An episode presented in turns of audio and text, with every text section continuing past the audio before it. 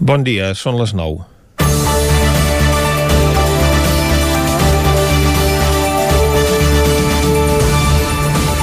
Sí, dilluns eren les dones qui sortia al carrer per reivindicar els seus drets davant del masclisme latent de la societat. Ahir eren els independentistes els que es van concentrar a protestar per enèsima vegada davant dels ajuntaments pel totalisme imperant a l'estat espanyol. I és que de forma consecutiva es van produir dos fets relacionats entre si, encara que es vulgui negar, que demostren fins a quin punt està corrompuda la democràcia espanyola. De bon matí es coneixia el resultat de la votació al Parlament Europeu sobre la retirada de la immunitat a Carles Puigdemont, Toni Comín i Clara Ponsatí. La decisió no és cap sorpresa, però sí el resultat de la votació perquè a la mesura només hi han votat a favor el 57% dels eurodiputats, el percentatge més baix en tots els casos de pèrdua d'immunitat, una xifra que es redueix al 50% si es escompten els eurodiputats espanyols que hi han votat a favor perquè consideren el president a l'exili una peça de caça major. La votació ha tornat a provocar fissures al govern espanyol perquè Podemos hi ha votat en contra i els socialistes van fer campanya pel vot a favor, tot i que no tots els membres del seu grup europarlamentari han donat suport a la proposta espanyola. La ministra Arancha González Laya compareixia d'immediat per defensar que el resultat de la votació posava de manifest que l'Eurocambra considerava que el problema amb Catalunya s'havia de resoldre a Espanya. No deixa de ser curiós que el govern espanyol enviï la titular d'Exteriors per pronunciar-se sobre un afer intern. Per sostenir aquest argumentari, però, caldria que la Moncloa l'haguessin defensat amb fets i de la taula de diàleg que es va reunir ja fa més d'un any no se'n sap res, igual que dels indut dels indults que es tramiten molt més ràpid quan es tracta d'exmembres del govern espanyol encara que siguin del partit contrari i tenen delictes a sang pel mig. De forma immediata, com a acte reflex, el jutge de vigilància penitenciària, un substitut de la substituta, que sens dubte vol fer carrera, va decidir revocar el tercer grau als presos polítics que compleixen condemna a lledoners, acceptant punt per punt el recurs a la Fiscalia. L'accés a la presó va ser un altre dels punts de concentració i al vespre per donar suport a uns presos que avui ja no podran sortir en règim de semillibertat. En la seva interlocutòria, el jutge els revoca aquest benefici penitenciari al que tenen dret perquè ni es produeix en ells un penediment ni tenen consciència d'haver comès un delicte. És a dir, se'ls manté en presó per les seves idees. Però a Espanya es veu que no hi ha presos polítics. Sens dubte el jutge ha esperat el moment oportú per tornar a engarjolar Jordi Cuixart, Jordi Sánchez, Oriol Junqueras, Raül Romeva, Quim Forn, Josep Rull i Jordi Turull, perquè d'haver-ho fet en plena campanya electoral el resultat encara hagués estat més favorable a l'independentisme i d'haver-ho fet abans de la votació a l'Eurocambra el resultat també hagués estat un altre. Comencem Territori 17 a la sintonia del 9 FM, Ràdio Cardedeu, la veu de Sant Joan, Ona Codinenca i el 9 TV. Territori 17 amb Vicenç Vigues i Jordi Sunyer. Són les 9 i 3 minuts del dimecres dia 10 de març de 2021. Comença aquí un nou Territori 17 que avui, com sempre, durant la primera hora us acostarà tota l'actualitat de les nostres comarques. Després, a partir de les 10, un nou butlletí informatiu i, com tots els dimecres, doncs parlarem de literatura, en lletra ferits. Tindrem el Territori Sostenible amb Jordi Givert, avui parlant-nos de les infusions que fan a Sant Bucus i acabarem fent un repàs a l'agenda cultural per aquest proper cap de setmana, un cap de setmana marcat encara pel confinament d'àmbit comarcal. Ara, però, el que toca és arrencar tot fent un repàs a l'actualitat de les nostres comarques, les comarques del Ripollès, Osona, el Moianès i el Vallès Oriental.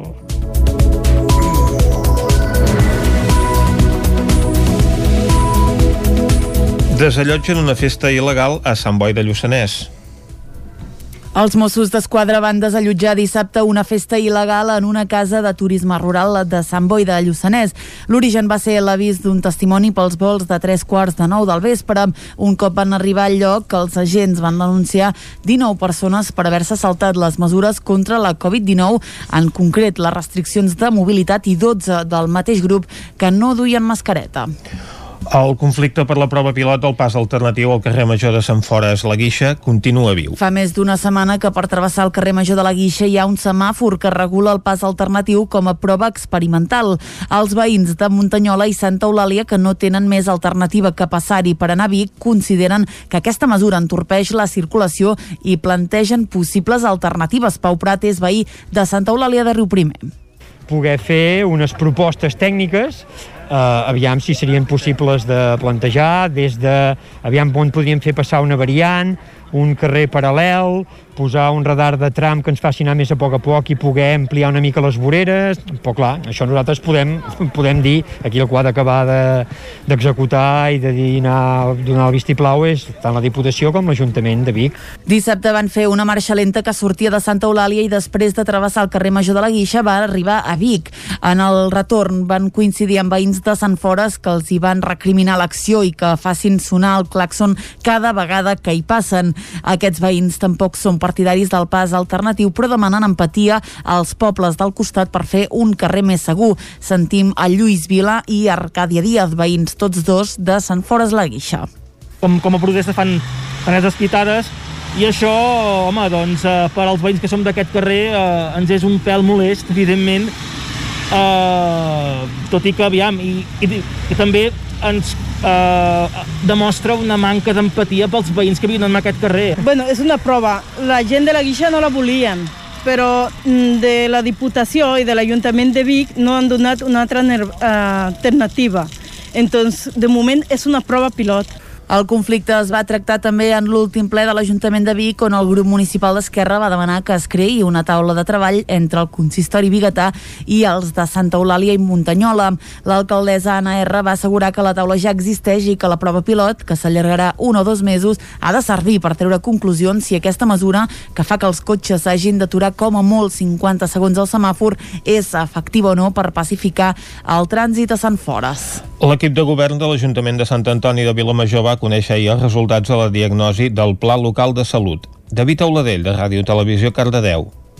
L'objectiu de la reunió del consistori era la devolució dels resultats de les accions i tallers realitzats durant la primera fase de diagnòstic del benestar i la salut a Sant Antoni de Vilamajor. Aquesta fase va comptar amb enquestes a la ciutadania, tallers participatius amb diversos actors, un debat familiar a l'escola Joan Casas i trucades a grups d'interès. El següent pas és la realització dels tallers participatius, adreçats a la ciutadania i persones professionals del poble, on es farà la devolució dels resultats, la priorització de necessitats i recollides de propostes, amb l'objectiu de concretar les propostes en un pla de treball assolible i realista amb la participació dels actors locals per la seva realització. Pròximament informaran de les dades dels tallers participatius per continuar creant entre totes les persones el Pla Local de Salut i les accions que es duran a terme durant els pròxims 4 anys per millorar la salut i el benestar en el poble. Un total de 42 propostes passen a la tercera fase dels pressupostos participatius de Sant Joan de les Abadeses. Isaac Muntades, des de la veu de Sant Joan.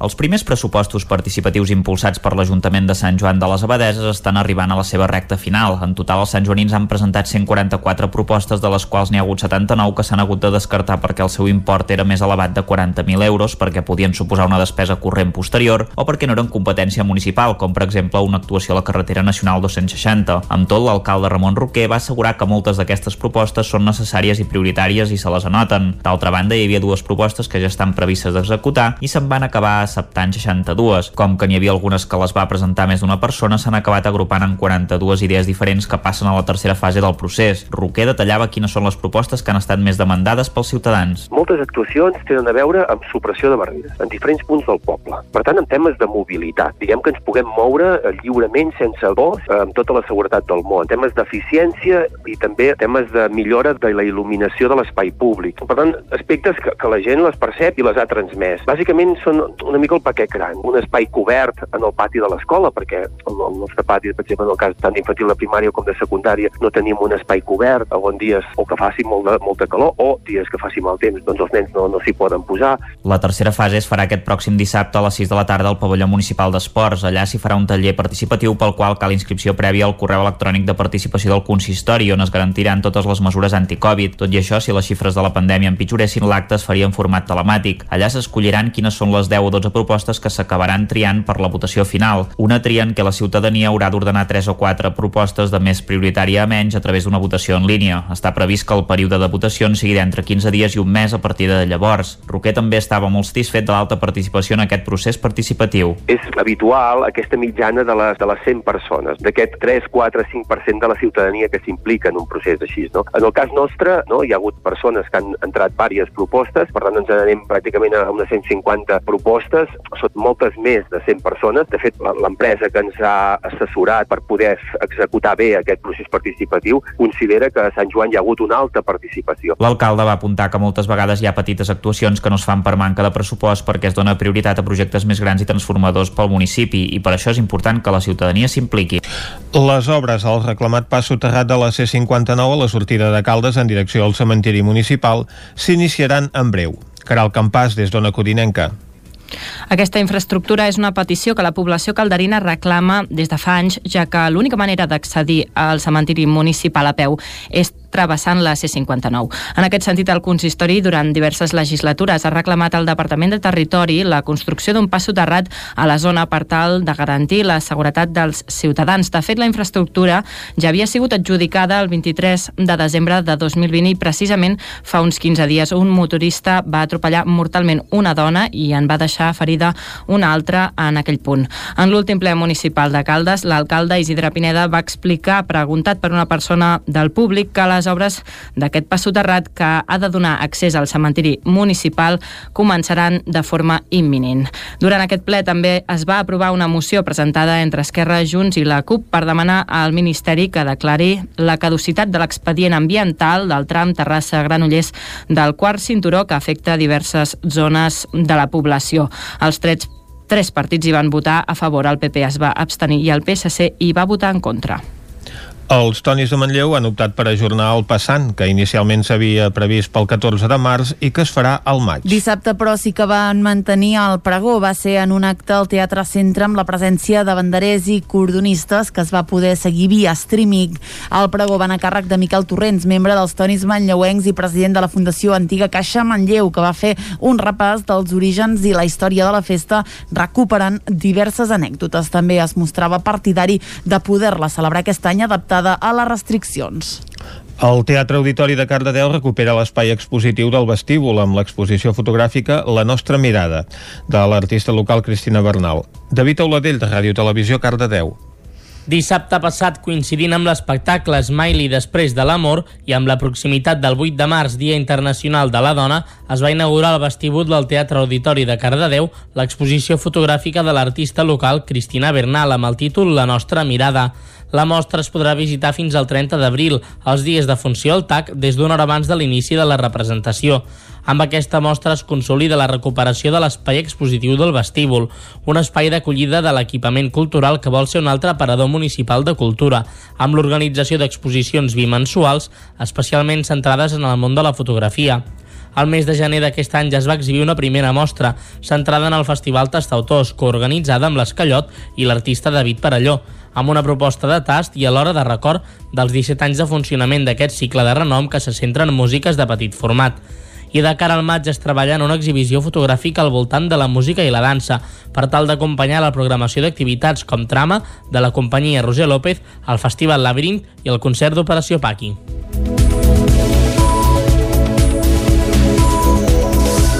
I fins aquí el butlletí informatiu que us hem ofert, com sempre, amb les veus de Vicenç Vigues, Clàudia Dinarès, David Auladell, Caral Campàs i Isaac Muntades. I ara el que toca, després de la informació, és parlar del temps.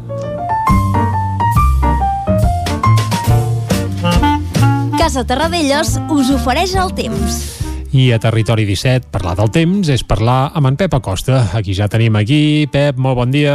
Hola, molt bon dia. Bon dia, bon Què dia. tal esteu? Anar fent... Déu-n'hi-do, quin fred està fent aquest matí. Home. Hem tingut glaçades al Pirineu, cap al Montseny, nord d'Osona, i llocs més freds del Moianès, també del Vallès. Feia dies que no feia aquest fred. També vull parlar, abans de començar, eh, d'un fet que està passant a Islàndia. Ep, Han tingut en una ja. setmana, en poc més d'una setmana, més de 20.000 terratrèmols. 20.000. Estan tremolant gairebé tot el dia. Uh, els experts no saben bé què pot passar, però tot sembla indicar que hi pot haver una gran opció volcànica els pròxims dies. Uh -huh. Estarem atents perquè pot tenir conseqüències importants per l'illa i també per tota Europa, ja que mm, depèn de, de com sigui d'important l'erupció volcànica, pot portar moltes conseqüències pel tràfic aeri, aeri ja que pot dificultar les, les connexions. Mhm. Veurem què passa els pròxims dies, però això sí, eh, 20.000 terratrèmols en, en una setmana és, és, és normal. és molt, molt impressionant. Uh, a més, uh, aviam, uh, hi ha terratrèmols sempre, eh? Doncs, uh, moltes hores al dia, el que passa que no els notem, però aquests 20.000 gairebé tots s'han notat, vull dir que uh -huh. imagineu Uh, que són 20.000 terratrèmols en no. una setmana uh, estar tota l'estona tela, tela. La, la, has estat tota l'estona tremolant vull dir, sí, sí, sí. Déu-n'hi-do mm -hmm. estarem atents també allà què pot passar els pròxims dies si es produeix o no aquesta important opció volcànica que molts experts preveuen. Uh -huh. Tornem a casa nostra, Tornem cap anem aquí, una va. mica al passat, uh Mhm. -huh. ahir va ser un dia molt, uh, molt de primavera ja, que podíem dir. Vam veure el cel blau després de molts dies, vam poder veure el cel blau, a la tarda van créixer algunes nuvolades, algunes tempestes petites cap a, a les Guilleries, cap a, cap a Montseny, però molt, molt poca cosa, eh? Uh, si van caure alguna precipitació va ser un litre, dos litres, molt, molt poca cosa a destacar, però va ser un dia això, de primavera, eh? de sol al matí i de creixent de nuvolades a la tarda, típiques de primavera, nuvolades molt maques, des de Sant Feliu Codines vaig veure nuvolades molt, molt maques. Uh -huh. I això va ser ahir, perquè avui no tindrem la mateixa situació. Hi ha un anticicló per l'oest de la península ibèrica que s'està eh, desplaçant cap al centre de la península i ens afectarà de ple un o dos dies. Avui, molta tranquil·litat, molt de sol i una cosa a destacar, Quina? molt contrast entre el dia i la nit. Uh -huh. Aquesta nit ha fet fred encara, com he dit abans. Per què? Doncs perquè ens ha entrat una mica de vent de nord i, i, i l'aire fred està sobre nostra i ha fet que les temperatures baixessin molt. Però a migdia i primeres hores, de- i primeres hores de la tarda, com que el sol ja dura moltes hores, ja, ja tenim moltes hores de llum natural, la temperatura pujarà força. I a més, no hi ha ni un núvol, gairebé avui sol absolutament tot el dia, uh -huh. molts pocs núvols eh, ara a la tarda, no en queixant tants com ahir ni, molt, ni de bon tros, podem queixar algun, però molt poca cosa, i aquests núvols, a, a, a, aquesta essència de núvols, farà que la temperatura pugi, ja que ja tenim molt, moltes hores de, de llum natural. I tindrem unes màximes de 16, 17, 18 graus fins i tot. Uh, és el que deia abans, eh? un gran contrast entre el dia i la nit, també molt típic dels mesos de març i abril, sobretot. I avui, això com deia, eh, molt de sol, molt de tranquil·litat, cap precipitació, visibilitat excel·lent, eh, fa dies eh, que no tenim aquest, aquesta situació, eh, havíem tingut aquesta pols en suspensió, aquesta mala visi visibilitat, avui no, eh? Avui molt de sol, molta tranquil·litat i unes màximes al migdia molt, molt agradables. Moltes gràcies i fins demà, que ja anirem perfilant què passarà el cap de setmana. Gràcies, adeu. Vinga, Pep, moltes gràcies. déu nhi a Islàndia. Quina, quina por. Però vaja, ens sí. queda una mica lluny, també és cert, eh? Eh, ens cau lluny, però la veritat és que per la gent que viu allà aquesta situació ha de ser molt preocupant. Uh -huh. I per cert, en Pep Acosta ens deia que avui ha fet fred. Home, jo no l'he notat gaire, però sí que és cert que hi hem recuperat les gelades, eh? Hi ha hagut alguns racons amb temperatures per sota els 0 graus, oi, Vicenç? Doncs les gelades han set bastant generalitzades, fa una temperatura doncs molt pròpia d'aquesta època de l'any perquè hi ha hagut mínimes molt baixes, molt baixes des de fa dies que no ho havien estat tant, hi ha de diferents punts on encara ara mateix doncs les temperatures eh, són sota zero. Per exemple, llocs on ha glaçat avui el Pens, l'Esquirol i Vidrà han tingut ja glaçades.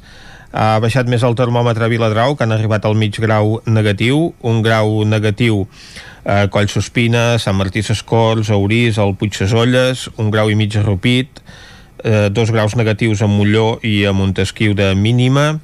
A Carals doncs, eh, hi continua eh, glaçant tot el dia que ho ha fet amb una temperatura mínima de menys eh, 2,7 graus 3 graus negatius a Sant Pau de Segúries 3 i mig a Camprodon, també a Camprodon hi continua glaçant. El rècord ha estat a Ull de Ter, 7 graus i mig negatius, uh -huh. 7 a Núria, on la temperatura encara és de 5 graus negatius ara mateix, i altres punts on no hi ha glaçat, però també la temperatura ha estat molt baixa, per exemple, Sant Vicenç de Torelló, Sant Quirze de Besora, mig grau positiu de mínima, un grau eh, positiu a Roda, a les Masies de Roda, a Muntanyola, a Sant Pere de Torelló, a Vic, a Perafita i a Caldes de Montbui, o un grau i mig de mínima a Bellmunt, a Tavernoles, a Gurb, a Tabertet, al Tagamanent i a Sant Sadurní de Surmort, que avui Ep. no hi ha glaçat. Doncs va, temperatures que es normalitzen per l'època, que això seria una mica lo habitual, eh? si ens assenyim als estàndards de fa uns quants anys. Veurem si fa calor o no al migdia, com ens ha dit en Pep, però realment les temperatures d'avui han set baixes. Doncs va, un cop repassades les temperatures, el que hem de repassar ara són les portades de la premsa d'avui. Anem-hi.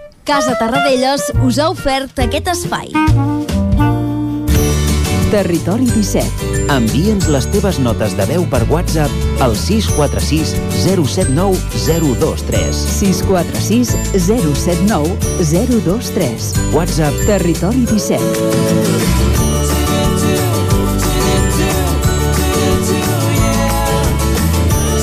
Territori 17. Som a Facebook, Twitter i Instagram amb l'usuari Territori 17.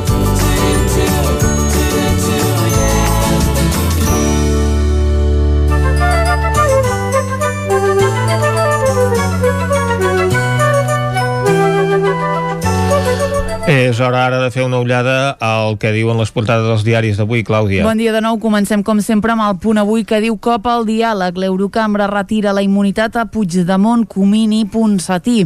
El jutge, d'altra banda, tomba el tercer grau als presos polítics de Lledoners. Són les dues grans notícies del dia. El diari Ara diu l'Eurocambra retira dividida la immunitat als exiliats catalans. Un 42% dels parlamentaris no secunden enviar Puigdemont, Comín i Ponsatí als tribunals. A la imatge aquí veiem és els presos independentistes, diu el tercer grau dels presos revocat. El govern avança que el confinament per comarques s'aixecarà ben aviat.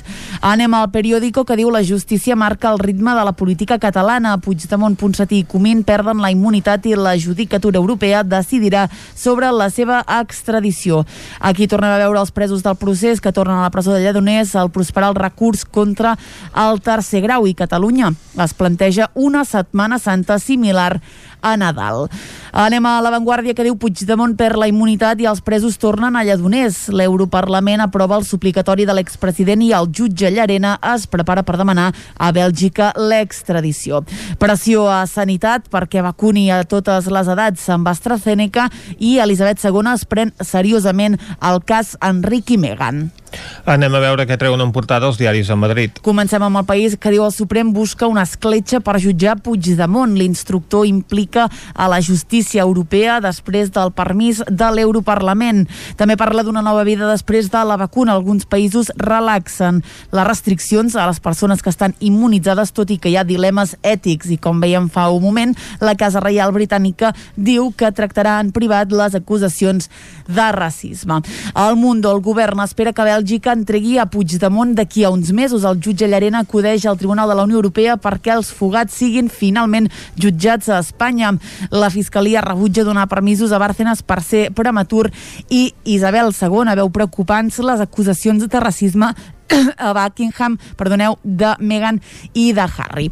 Anem acabant, anem a la raó que diu Pols de Junts per Catalunya controlar el Parlament i la vicepresidència. Demanen que Borràs presideixi la mesa i Artadi sigui la número 2 de Pere Aragonès. A la imatge retorna a la presó dels presos, parla eh, dels líders independentistes i Llarena demana que la justícia europea entregui a Carles Puigdemont.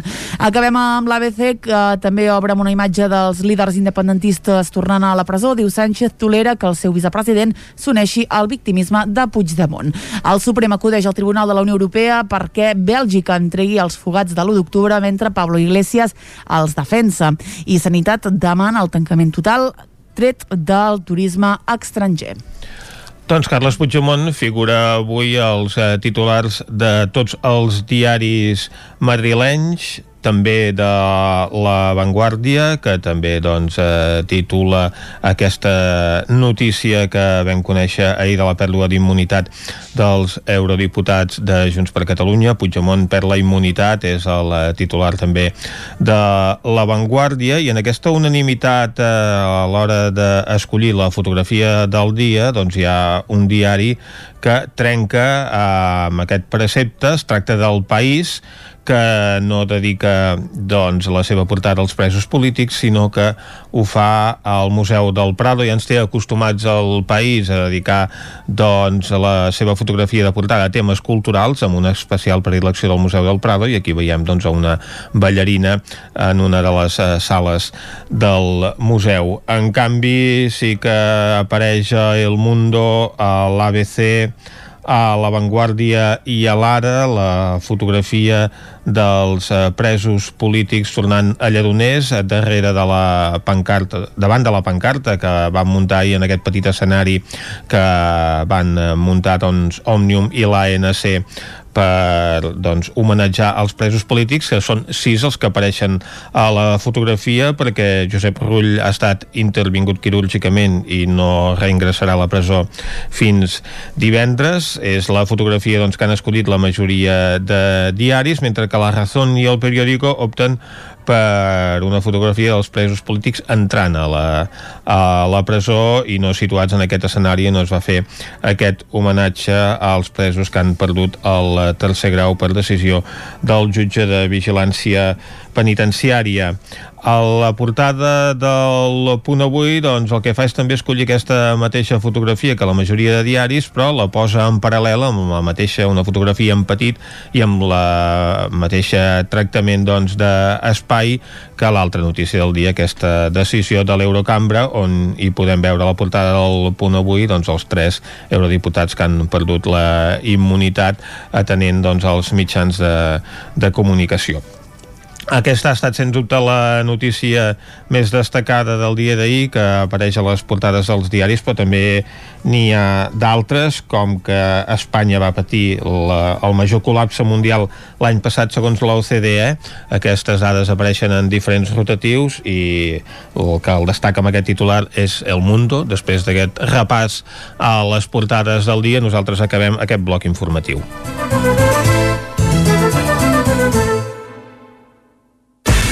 El nou FM, la ràdio de casa, al 92.8. Pepeta Vilaró, menjar a domicili per a gent gran. Menús saludables i adaptats segons les seves necessitats. Per viure més temps a casa amb millor salut i qualitat de vida. Informa-te'n al 931 31 71 81 o a pepetavilaró.cat. Pepeta Vilaró, la salut i el benestar dels nostres avis comença per cuidar el que mengen. Cocodril Club. Si t'agrada la bona música dels anys 60, 70 i 80, escolta el 9 FM als matins de dissabtes i diumenges d'11 a 1. És el temps del Cocodril Club, tot un clàssic de la ràdio, amb les bases del pop-rock, les llegendes, les cançons que s'han convertit en autèntics himnes. Recorda, dissabtes i diumenges al matí, d'11 a 1, al 9 FM 92.8. Cocodril Club, el programa revival de l'Albert Malla. Hasta luego, Anuncia't al 9FM. La màquina de casa. 9 3 8 8 9 4 9 4 9. Publicitat arroba al 9FM.cat. Anuncia't al 9FM. La publicitat més eficaç. Cobertes serveis funeraris. Els nostres tanatoris estan ubicats en els nuclis urbans més poblats de la comarca d'Osona per oferir un millor servei. Tanatori de Vic, Tanatori de Manlleu, Tanatori de Centelles i Tanatori de Roda de Ter. Sabem que són moments difícils i per això el nostre compromís és atendre-us en tot moment amb un tracte humà, sensible i respectuós. Cobertes serveis funeraris. Telèfon 24 hores 93 883 23 46. Això és el que s'escolta al voltant d'una caldera saunia d'Oval. Tranquilitat i benestar, perquè gaudeix del millor manteniment del servei tècnic oficial per estar despreocupat. O el que vulgui. Informis a Oficiat Nord trucant al 938860040. Saunia d'Oval, sempre al seu costat. A Vic, T52, un taller d'emocions. Una celebració, un reconeixement, un record, la victòria, el premi. Tenim una solució personalitzada per a cada ocasió. Ens trobaràs al centre, al carrer 941 i també a l'Horta Vermella, al carrer Menéndez Pelayo 31. Més informació a t52.cat. Semblava impossible tenir veu, estudiar, treballar. Semblava impossible decidir sobre els nostres cossos. Semblava impossible tenir els mateixos drets. I a tu, què et sembla impossible? 8 de març, Dia Internacional de les Dones. Fèiem, fem i farem Polítiques feministes. Diputació de Barcelona. El 9 FM. La ràdio de casa al 92.8.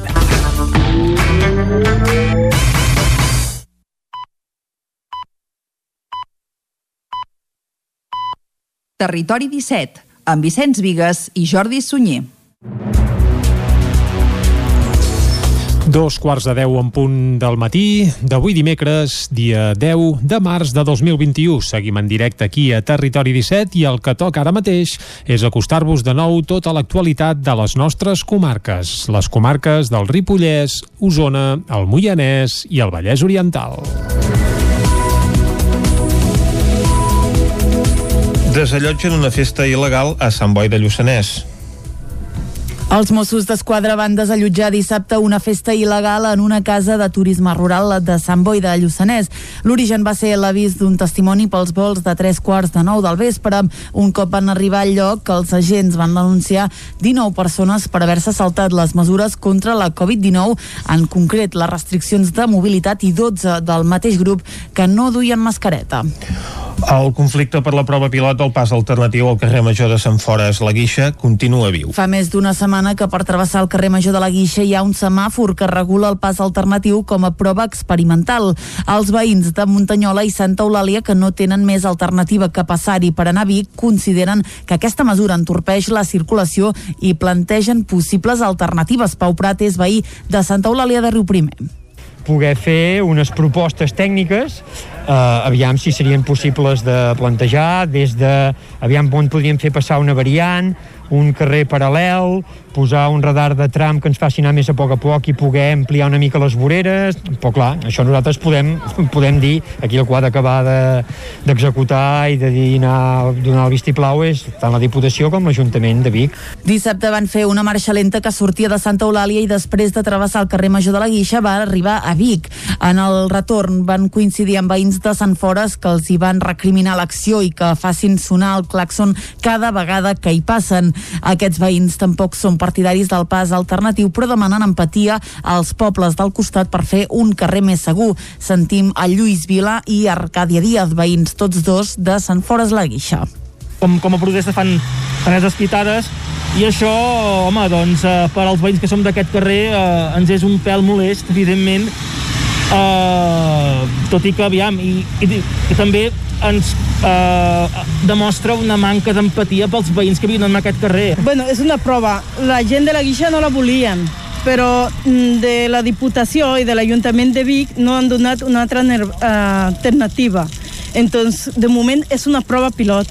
El conflicte es va tractar també en l'últim ple de l'Ajuntament de Vic, on el grup municipal d'Esquerra va demanar que es creï una taula de treball entre el consistori biguetà i els de Santa Eulàlia i Muntanyola. L'alcaldessa Anna R va assegurar que la taula ja existeix i que la prova pilot, que s'allargarà un o dos mesos, ha de servir per treure conclusions si aquesta mesura, que fa que els cotxes hagin d'aturar com a molt 50 segons al semàfor, és efectiva o no per pacificar el trànsit a Sant Fores. L'equip de govern de l'Ajuntament de Sant Antoni de Vilamajor va conèixer ahir els resultats de la diagnosi del Pla Local de Salut. David Auladell, de Ràdio Televisió, Cardedeu. L'objectiu de la reunió del consistori era la devolució dels resultats de les accions i tallers realitzats durant la primera fase de diagnòstic del benestar i la salut a Sant Antoni de Vilamajor. Aquesta fase va comptar amb enquestes a la ciutadania, tallers participatius amb diversos actors, un debat familiar a l'escola Joan Casas i trucades a grups d'interès. El següent pas és la realització dels tallers participatius, adreçats a la ciutadania i persones professionals del poble, on es farà la devolució dels resultats, la priorització de necessitats i recollides de propostes, amb l'objectiu de concretar les propostes en un pla de treball assolible i realista amb la participació dels actors locals per la seva realització. Pròximament informaran de les dades dels tallers participatius per continuar creant entre totes les persones el Pla Local de Salut i les accions que es duran a terme durant els pròxims 4 anys per millorar la salut i el benestar en el poble. Un total de 42 propostes passen a la tercera fase dels pressupostos participatius de Sant Joan de les Abadeses. Isaac Muntades, des de la veu de Sant Joan.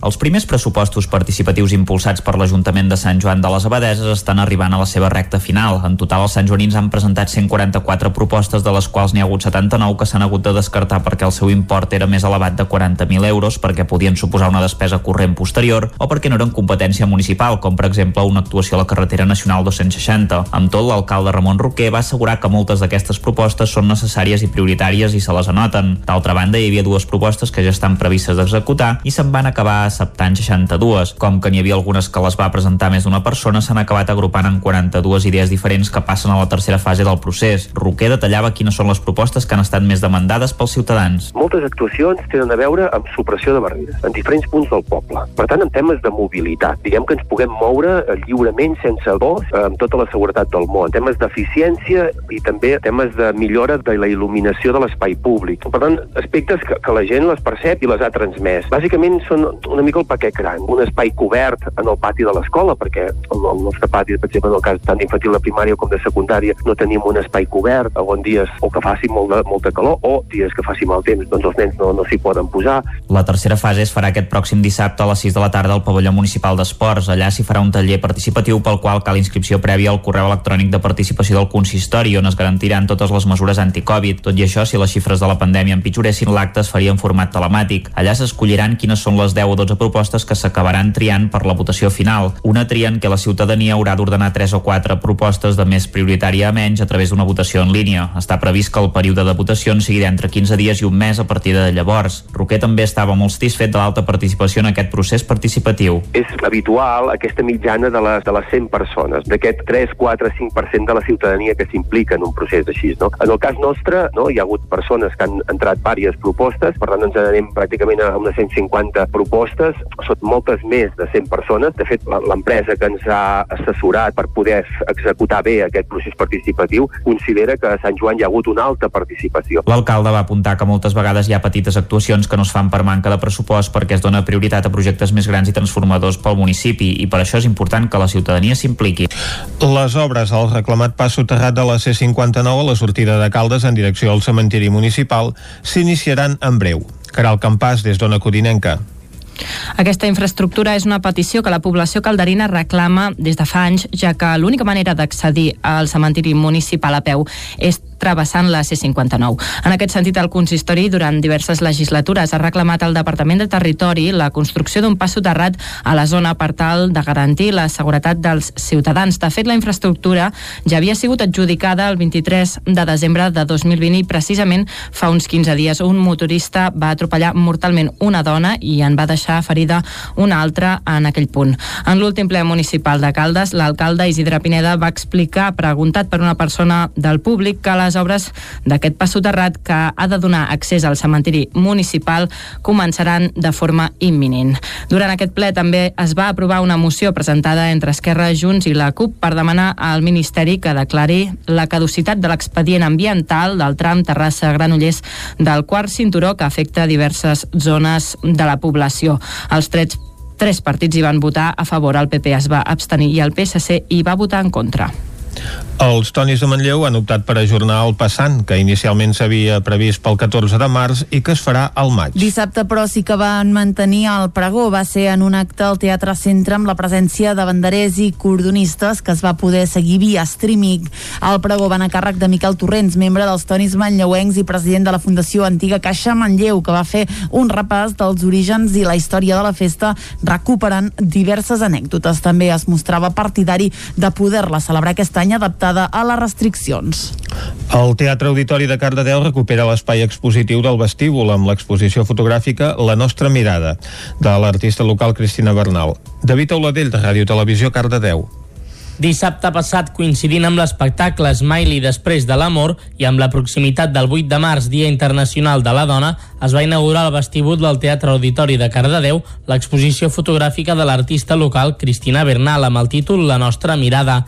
La mostra es podrà visitar fins al 30 d'abril, els dies de funció al TAC, des d'una hora abans de l'inici de la representació. Amb aquesta mostra es consolida la recuperació de l'espai expositiu del vestíbul, un espai d'acollida de l'equipament cultural que vol ser un altre aparador municipal de cultura, amb l'organització d'exposicions bimensuals, especialment centrades en el món de la fotografia. Al mes de gener d'aquest any ja es va exhibir una primera mostra, centrada en el Festival Tastautors, coorganitzada amb l'Escallot i l'artista David Parelló, amb una proposta de tast i alhora de record dels 17 anys de funcionament d'aquest cicle de renom que se centra en músiques de petit format i de cara al maig es treballa en una exhibició fotogràfica al voltant de la música i la dansa per tal d'acompanyar la programació d'activitats com Trama de la companyia Roger López, el Festival Labyrinth i el concert d'Operació Paqui.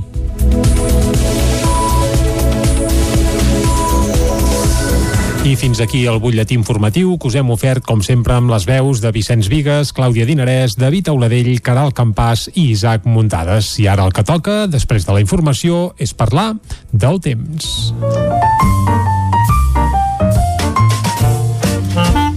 Casa Terradellos us ofereix el temps. I a Territori 17, parlar del temps és parlar amb en Pep Acosta. Aquí ja tenim aquí. Pep, molt bon dia. Hola, molt bon dia. Bon dia, bon Què dia. tal esteu? Anar fent... Déu-n'hi-do, quin fred està fent aquest matí. Home. Hem tingut glaçades al Pirineu, cap al Montseny, nord d'Osona, llocs més freds del Moianès, també del Vallès. Feia dies que no feia aquest fred. També vull parlar, abans de començar, eh, d'un fet que està passant a Islàndia.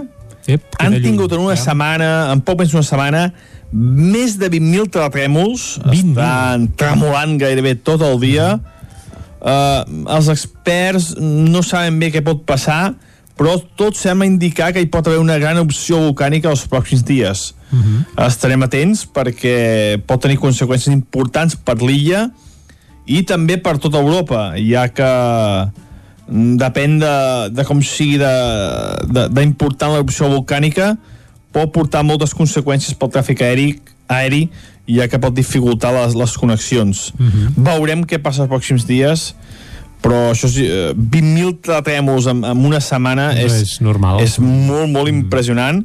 Uh, so, a més, uh, aviam, uh, hi ha terratrèmols sempre, eh? Doncs, uh, moltes hores del dia, el que passa que no els notem, però aquests 20.000 gairebé tots s'han notat, vull dir que imagineu uh, que són 20.000 terratrèmols en una No. setmana uh, estar tota l'estona el- Tela, tela. la, la, has estat tota l'estona tremolant, vull dir, Sí, sí, Déu-n'hi-do. sí. Déu-n'hi-do. Estarem atents també allà què pot passar els pròxims dies si es produeix o no aquesta important opció volcànica que molts experts preveuen. Tornem a casa nostra, Tornem cap anem aquí, una va. mica al passat, ahir va ser un dia molt, uh, molt de primavera ja, que podíem dir. Vam veure el cel blau després de molts dies, vam poder veure el cel blau, a la tarda van créixer algunes nuvolades, algunes tempestes petites cap a, a les Guilleries, cap a, cap a Montseny, però molt, molt poca cosa, eh? Uh, si van caure alguna precipitació va ser un litre, dos litres, molt, molt poca cosa a destacar, però va ser un dia això, de primavera, eh? de sol al matí i de creixent de nuvolades a la tarda, típiques de primavera, nuvolades molt maques, des de Sant Feliu Codines vaig veure nuvolades molt, molt maques. I això va ser ahir, perquè avui no tindrem la mateixa situació. Hi ha un anticicló per l'oest de la península ibèrica que s'està eh, desplaçant cap al centre de la península i ens afectarà de ple un o dos dies. Avui, molt tranquil·litat, molt de sol i una cosa a destacar, molt contrast entre el dia i la nit. Uh -huh. Aquesta nit ha fet fred encara, com he dit abans. Per què? Doncs perquè ens ha entrat una mica de vent de nord i, i, i l'aire fred està sobre nostra i ha fet que les temperatures baixessin molt. Però a migdia i primeres hores, de- i primeres hores de la tarda, com que el sol ja dura moltes hores, ja, ja tenim moltes hores de llum natural, la temperatura pujarà força. I a més, no hi ha ni un núvol, gairebé avui sol absolutament tot el dia, uh -huh. molts pocs núvols eh, ara a la tarda, no en queixant tants com ahir ni, molt, ni de bon tros, podem queixar algun, però molt poca cosa, i aquests núvols, a, a, a, aquesta essència de núvols, farà que la temperatura pugi, ja que ja tenim molt, moltes hores de, de llum natural. I tindrem unes màximes de 16, 17, 18 graus fins i tot. Uh, és el que deia abans, eh? un gran contrast entre el dia i la nit, també molt típic dels mesos de març i abril, sobretot. I avui, això com deia, eh, molt de sol, molt de tranquil·litat, cap precipitació, visibilitat excel·lent, eh, fa dies eh, que no tenim aquest, aquesta situació, eh, havíem tingut aquesta pols en suspensió, aquesta mala visi visibilitat. Avui no, eh? Avui molt de sol, molta tranquil·litat i unes màximes al migdia molt, molt agradables. Moltes gràcies i fins demà, que ja anirem perfilant què passarà el cap de setmana. Gràcies, adeu. Vinga, Pep, moltes gràcies. déu nhi a Islàndia. Quina, quina por. Però vaja, ens sí. queda una mica lluny, també és cert, eh? eh? Ens cau lluny, però la veritat és que per la gent que viu allà aquesta situació ha de ser molt preocupant. Uh -huh. I per cert, en Pep Acosta ens deia que avui ha fet fred. Home, jo no l'he notat gaire, però sí que és cert que hi hem recuperat les gelades, eh? Hi ha hagut alguns racons amb temperatures per sota els 0 graus, oi, Vicenç? Doncs les gelades han set bastant generalitzades. Fa una temperatura temperatura doncs, molt pròpia d'aquesta època de l'any perquè hi ha hagut mínimes molt baixes, molt baixes des de fa dies que no ho havien estat tant, hi ha diferents punts on encara ara mateix doncs les temperatures eh, són sota zero. Per exemple, llocs on ha glaçat avui el Pens, l'Esquirol i Vidrà han tingut ja glaçades ha baixat més el termòmetre a Viladrau, que han arribat al mig grau negatiu, un grau negatiu eh, Coll Sospina, Sant Martí Sescors, Aurís, el Puig Sesolles, un grau i mig a Rupit, eh, dos graus negatius a Molló i a Montesquieu de mínima, a Carals doncs, eh, hi continua eh, glaçant tot el dia que ho ha fet amb una temperatura mínima de menys eh, 2,7 graus 3 graus negatius a Sant Pau de Segúries 3 i mig a Camprodon, també a Camprodon hi continua glaçant. El rècord ha estat a Ull de Ter, 7 graus i mig negatius, uh -huh. 7 a Núria, on la temperatura encara és de 5 graus negatius ara mateix, i altres punts on no hi ha glaçat, però també la temperatura ha estat molt baixa, per exemple, Sant Vicenç de Torelló, Sant Quirze de Besora, mig grau positiu de mínima, un grau positiu a Roda, a les Masies de Roda, a Muntanyola, Sant Pere de Torelló, a Vic, a Perafita i a Caldes de Montbui,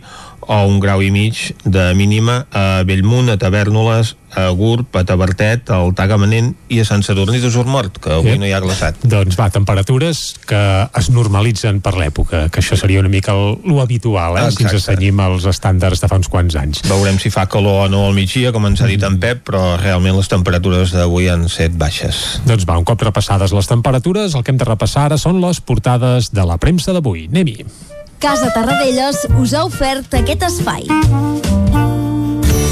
Territori 17. Envia'ns les teves notes de veu per WhatsApp al 646 079 023. 646 079 023. WhatsApp Territori 17.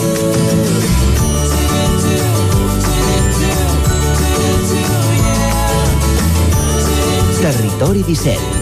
Som a Facebook, Twitter i Instagram amb l'usuari Territori 17.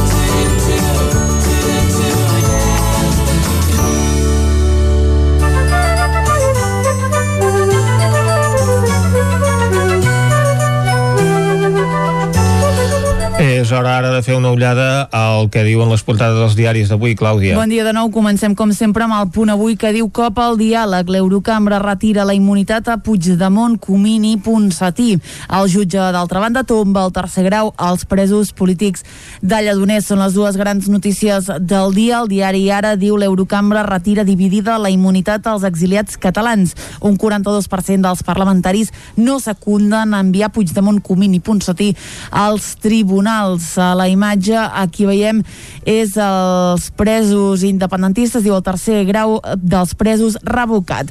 El govern avança que el confinament per comarques s'aixecarà ben aviat. Anem al periòdico que diu la justícia marca el ritme de la política catalana. Puigdemont, Ponsatí i Comín perden la immunitat i la judicatura europea decidirà sobre la seva extradició. Aquí tornem a veure els presos del procés que tornen a la presó de Lledoners al prosperar el recurs contra el tercer grau i Catalunya. Es planteja una setmana santa similar a Nadal. Anem a l'avantguàrdia que diu Puigdemont per la immunitat i els presos tornen a Lledoners. L'Europarlament aprova el suplicatori de l'expresident i el jutge Llarena es prepara per demanar a Bèlgica l'extradició. Pressió a Sanitat perquè vacuni a totes les edats amb AstraZeneca i Elisabet II es pren seriosament el cas Enric i Megan. Anem a veure què treuen en portada els diaris a Madrid. Comencem amb el país que diu el Suprem busca una escletxa per jutjar Puigdemont. L'instructor implica a la justícia europea després del permís de l'Europarlament. També parla d'una nova vida després de la vacuna. Alguns països relaxen les restriccions a les persones que estan immunitzades, tot i que hi ha dilemes ètics. I com veiem fa un moment, la Casa Reial Britànica diu que tractarà en privat les acusacions de racisme. Al Mundo, el govern espera que Bèlgica entregui a Puigdemont d'aquí a uns mesos. El jutge Llarena acudeix al Tribunal de la Unió Europea perquè els fugats siguin finalment jutjats a Espanya.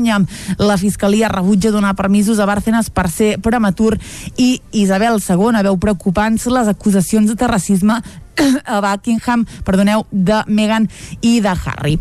Anem acabant, anem a la raó que diu Pols de Junts per Catalunya controlar el Parlament i la vicepresidència. Demanen que Borràs presideixi la mesa i Artadi sigui la número 2 de Pere Aragonès. A la imatge retorna a la presó dels presos, parla uh, dels líders independentistes i Llarena demana que la justícia europea entregui a Carles Puigdemont. Acabem amb l'ABC, que també obre amb una imatge dels líders independentistes tornant a la presó. Diu Sánchez tolera que el seu vicepresident s'uneixi al victimisme de Puigdemont. El Suprem acudeix al Tribunal de la Unió Europea perquè Bèlgica entregui els fugats de l'1 d'octubre mentre Pablo Iglesias els defensa. I Sanitat demana el tancament total tret del turisme estranger.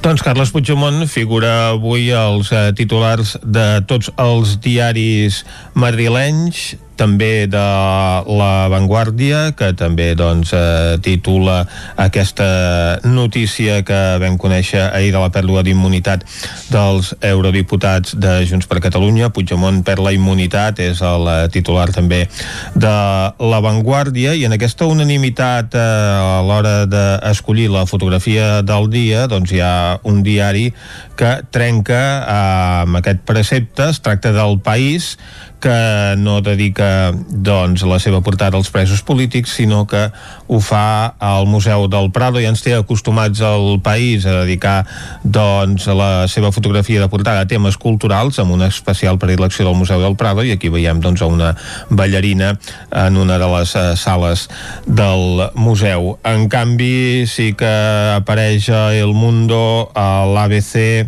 a La Vanguardia i a l'Ara la fotografia dels eh, presos polítics tornant a Lledoners eh, darrere de la pancarta davant de la pancarta que van muntar ahir en aquest petit escenari que van eh, muntar doncs, Òmnium i l'ANC per doncs, homenatjar els presos polítics, que són sis els que apareixen a la fotografia perquè Josep Rull ha estat intervingut quirúrgicament i no reingressarà a la presó fins divendres. És la fotografia doncs, que han escollit la majoria de diaris, mentre que la Razón i el periòdico opten per una fotografia dels presos polítics entrant a la, a la presó i no situats en aquest escenari no es va fer aquest homenatge als presos que han perdut el tercer grau per decisió del jutge de vigilància penitenciària.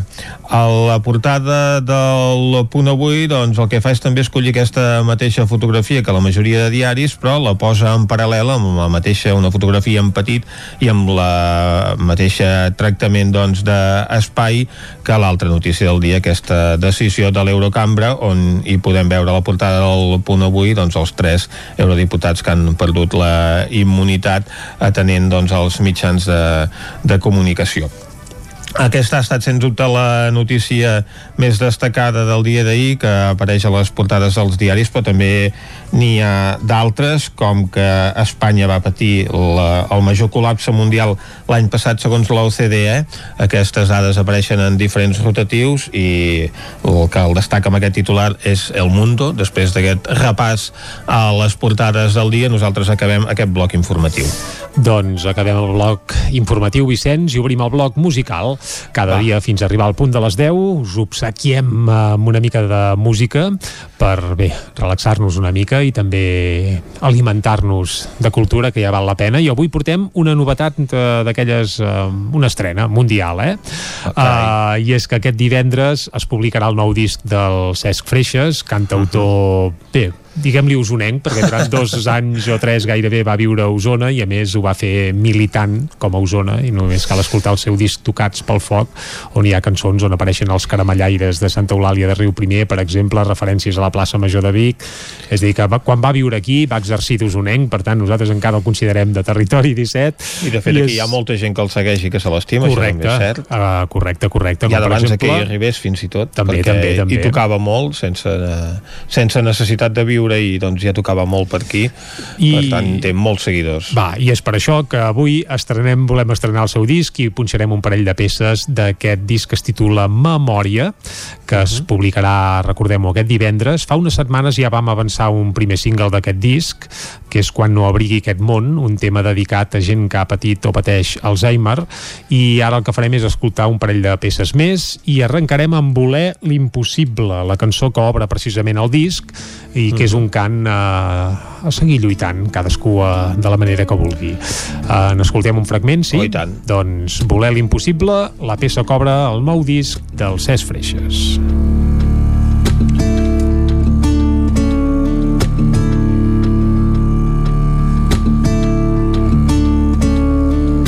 Vam despertar en una plaça rodona Vam veure el llenç de les teules d'Artà.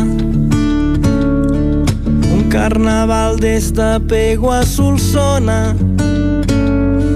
Riure a Cervera, a Cot Lliure plorar. Vam travessar amb barca els ponts de Girona. Des de Son Saura al castell de Viar. Deixam un rai del Pallars a Tortosa. Per dir país hem après a estimar. Voler l'impossible ens cal i no que mori el desig. Voler l'impossible ens cal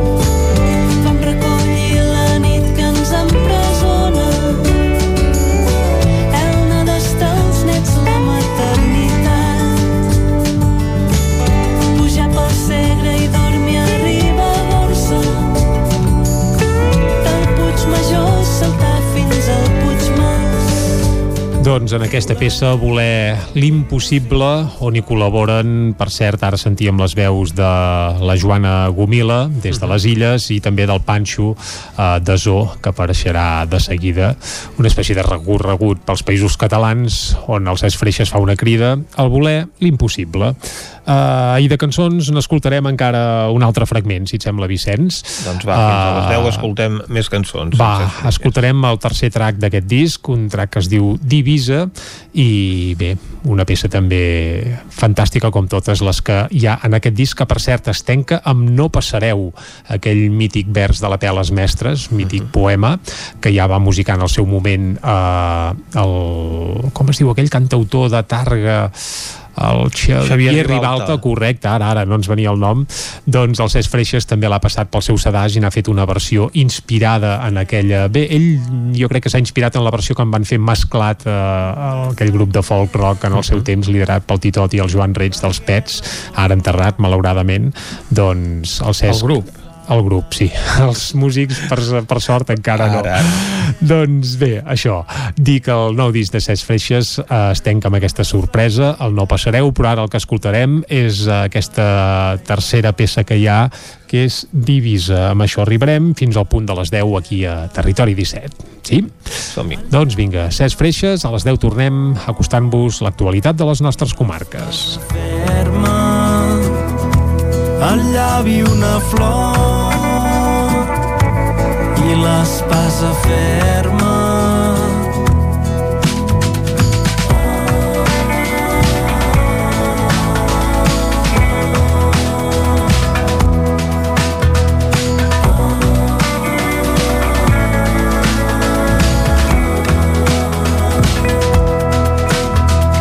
Fem l'escamot dels doncs qui mai no reculen.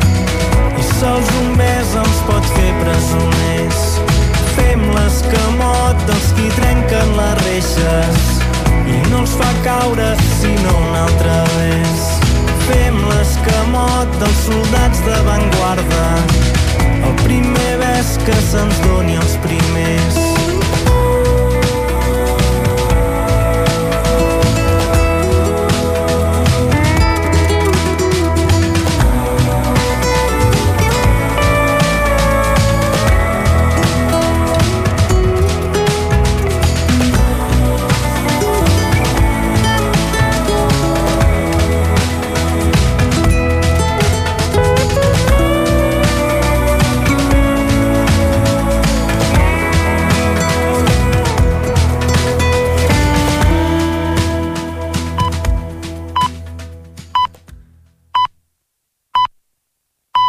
I a les 10 en punt torna la informació de les nostres comarques, les comarques del Ripollès, Osona, el Moianès i el Vallès Oriental.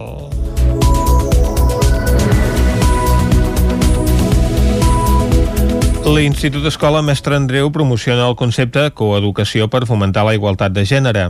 Isaac Muntades, des de la veu de Sant Joan. La coeducació és un terme que es fa servir molt últimament. Aquest concepte pretén promocionar l'educació per potenciar les oportunitats dels nens i nenes sense tenir en compte el seu sexe. A l'Institut d'Escola Mestre Andreu de Sant Joan de les Abadeses es fa a partir d'un treball transversal a totes les assignatures pel que fa als continguts. El director del centre, Miquel Mercè, va apuntar que cal implantar aquest model de treball des de ben petits. Començant pel més avall, per educació infantil, doncs veiem que ja en el cas del joc simbòlic, que nosaltres doncs, com a centre treballem per espais, tot l'alumnat va passant per tots els espais, independentment del, perfil que tingui aquest espai, no?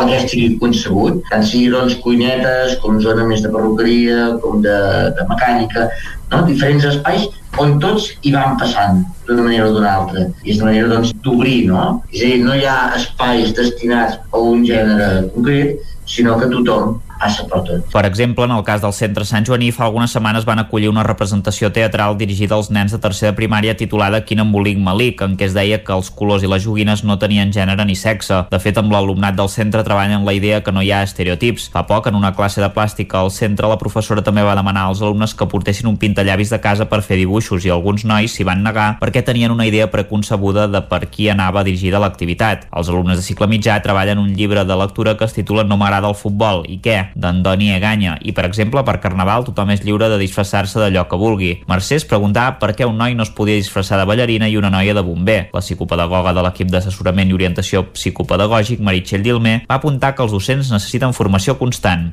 que els docents sempre s'han d'anar formant i s'han d'anar reciclant en temes de perspectiva de gènere, temes d'orientacions sexuals, identitats sexuals, identitats de gènere, que són molt importants per poder fer que els teus eh, alumnes els hi puguis fer una escolta activa, un seguiment, ajuda, un espai d'ajuda si fa falta, no? per tenir aquest espai de confiança. Llavors també altres conceptes claus són el vocabulari no sexista, que això sempre els docents hem de- hem d'estar molt alerta amb això perquè a les aules a vegades hi ha estereotips, hi ha prejudicis, llavors s'ha de poder vigilar, tenir en compte sempre aquest vocabulari tant sigui uh, oral, com a nivell gràfic, com a nivell de continguts, les dones que les seves històries, les seves lluites, a nivell de um, ciències socials, a nivell de història, de cultura i valors, de visual i plàstica, Dilmer va remarcar que durant molts anys les dones han estat invisibilitzades. A més, va apuntar que els nens han de fer un procés de reflexió sobre els seus comportaments i que han de parlar amb les famílies després d'una xerrada per anar incorporant aquests valors.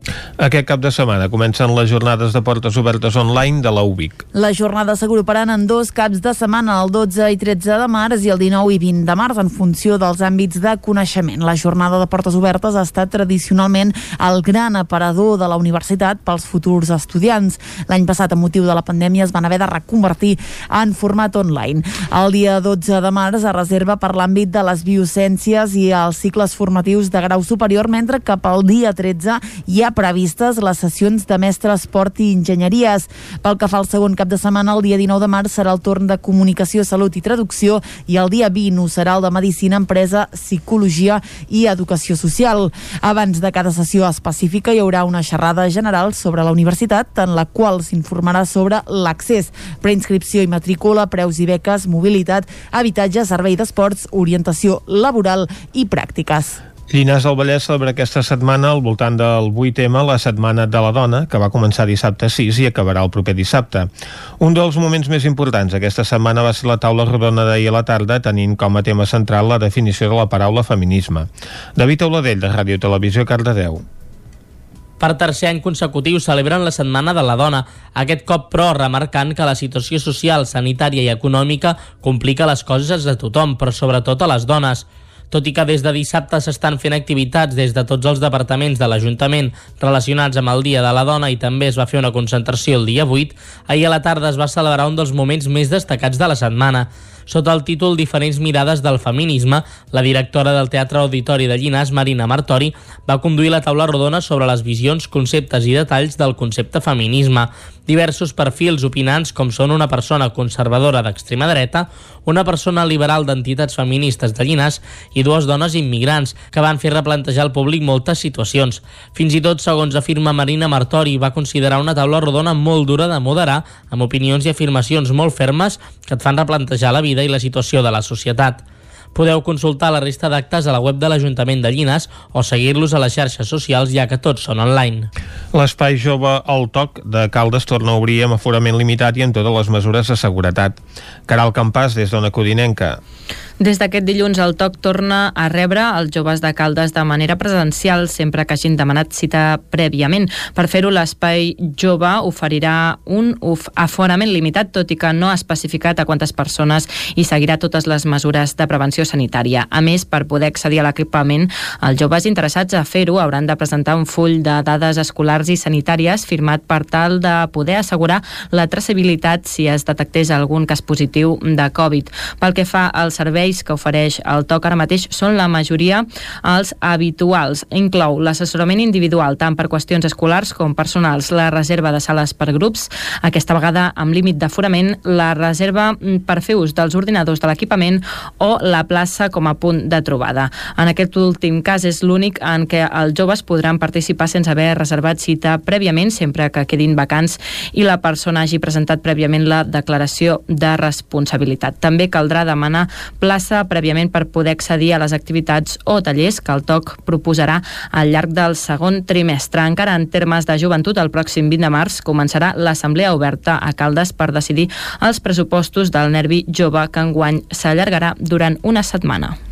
Un programa de 4 hores en directe per internet va servir per reconvertir la Festa dels Tonis de Taradell al context de pandèmia. La capacitat de reinventar-se dels Tonis de Taradell va ser la conclusió a la que van arribar la majoria de les persones que dissabte a la tarda van passar pel plató de televisió que es va muntar Can Costa i Font. La pandèmia i més tard un focus de rinoneumonitis quina havien convertit els Tonis en un acte virtual, però no per això li van faltar elements de tradició. Mercè Cabanes és l'alcaldessa de Taradell i Maria Àngels Blasco, la directora general de Cultura Popular.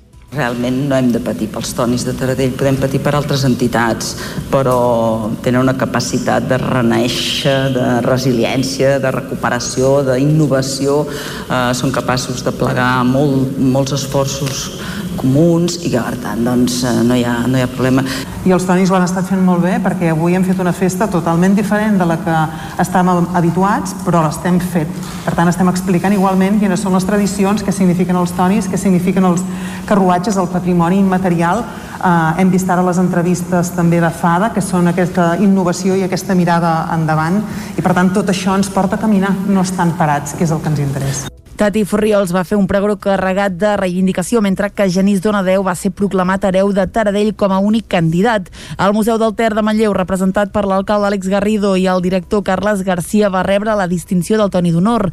Finalment, l'escriptor taradellenc Antoni Pladevall va ser distingit com a convidat d'honor. Les actuacions musicals en directe de Dami Álvarez i Ramon Redorta i les gravacions de l'Esbar d'Ensaire Sant Genís van tancar un especial de 4 hores que es va poder seguir en streaming per ajudar a mantenir viva la tradició edició dels Tonis de Taradell. Des d'aquest dilluns està obert al públic a la Casa del Mallol a Sant Hipòlit de Voltregà l'exposició Dones i Art, que presenta el treball de creadores de diferents disciplines del Voltreganès i de la comarca d'Osona. 20 de les 27 creadores de diferents disciplines i edats que participen a l'exposició Dones i Art es van reunir diumenge en un acte organitzat per l'Ajuntament de Sant Hipòlit de Voltregà.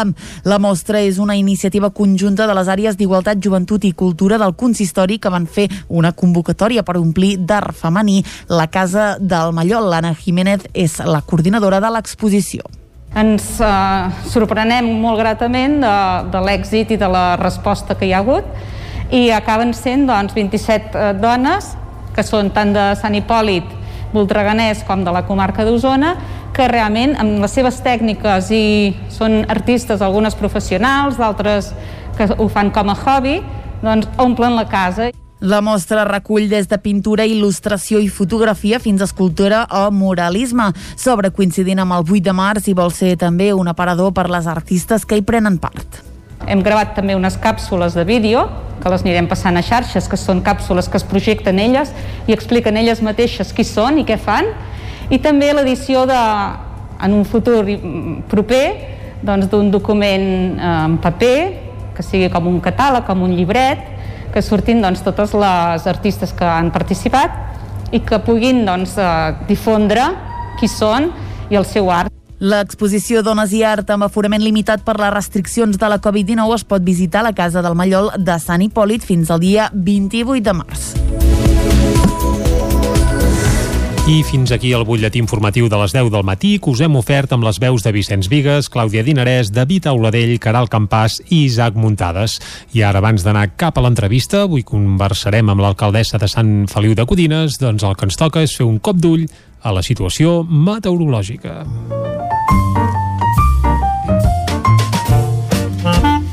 Casa Terradellos us ofereix el temps. I per parlar del temps, saludem altra vegada en Pep Acosta. Bon dia, Pep.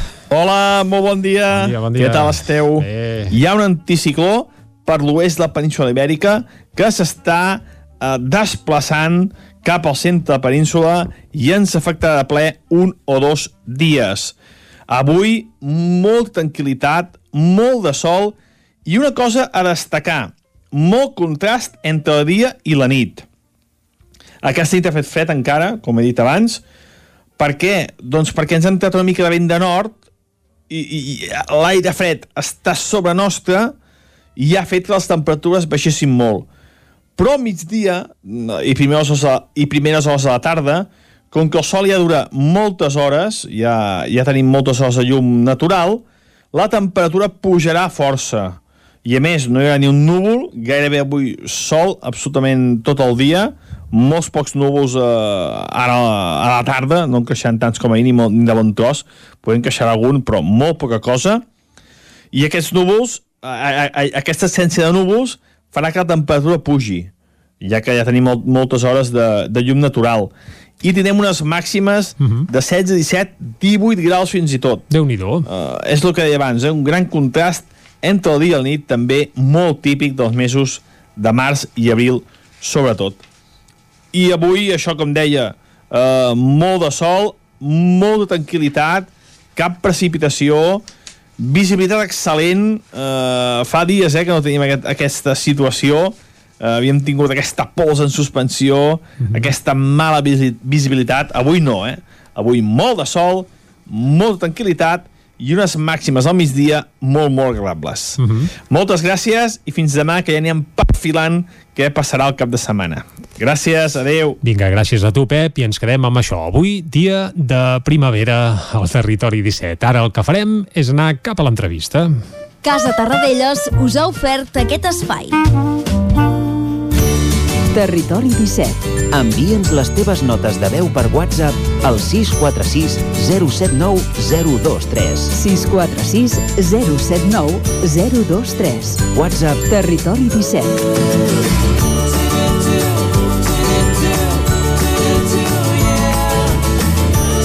Territori 17.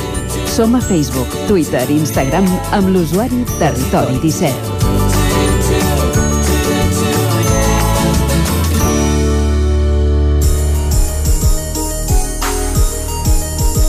Falta un minut i mig per un quart d'onze. Fa dies que a Sant Feliu de Codines es pateixen desperfectes per actes de vandalisme. Aquest cap de setmana, concretament, a la Font dels Arbers i al Parc de Can Xifreda. Anem cap a Sant Feliu, doncs. Caral Campàs, bon dia. Bon dia. Uh, doncs sí, l'Ajuntament treballa uh, en aquests moments i aquests dies en fer accions de conscienciació doncs, contra aquest incivisme que han detectat i també es demana la col·laboració ciutadana per aturar doncs, aquests actes que malmeten uh, els elements públics i, i perjudiquen la imatge del, del municipi. Però bé, per parlar-ne tenim a l'altra banda de la línia telefònica Mercè Serratacó, alcaldessa de Sant Feliu. Bon dia, Mercè. Hola, bon dia a tothom.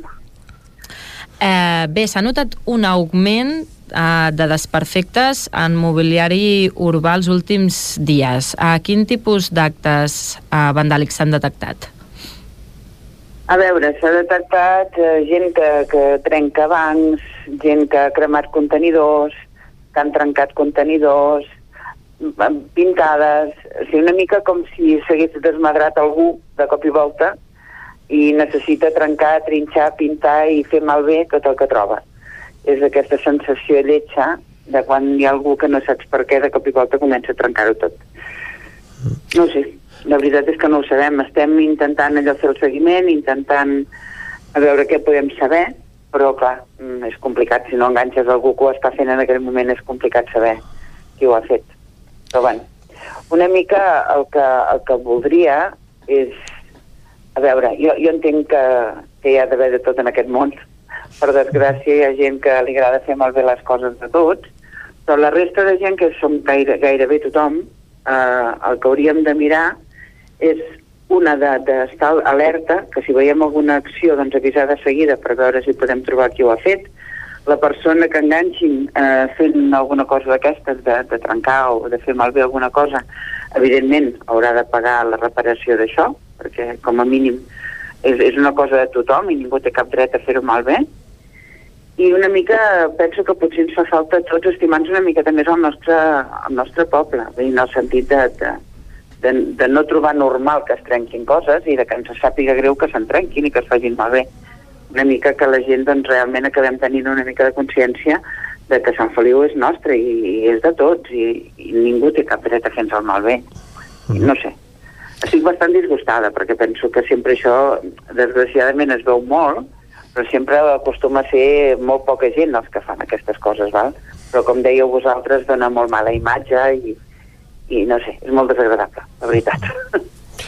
Per tant, estaríem parlant de, de, de gent doncs, que eh, se solidaritza amb aquests moviments de protesta que estem veient, sobretot a Barcelona, No, però també no. en altres poblacions, No, no, no. o gent que doncs, incompleix el confinament i que, per tant, doncs, provoca actes eh, de vandalisme que no tenen res a veure amb aquesta situació que hi ha ara mateix arran de la condemna de Pablo Hasél. A veure, jo pel, pel que jo sé, eh, la, el trencar que hi ha a Sant Feliu és trencar de trencar. O sigui, no és res de reivindicacions de cap mena, perquè no hi ha missatges d'aquest tipus. Val? Bé, no, no és aquest. Jo entenc que és algú que de cop i volta, doncs, o perquè ja fa un any gairebé que estan de confinament i ho porta molt malament i li sembla que ho ha de celebrar trinxant el que té al voltant, val? o algú doncs, de que, sí, clar, segur que és algú que se salta confinaments, algú que no fa el que toca, això segur.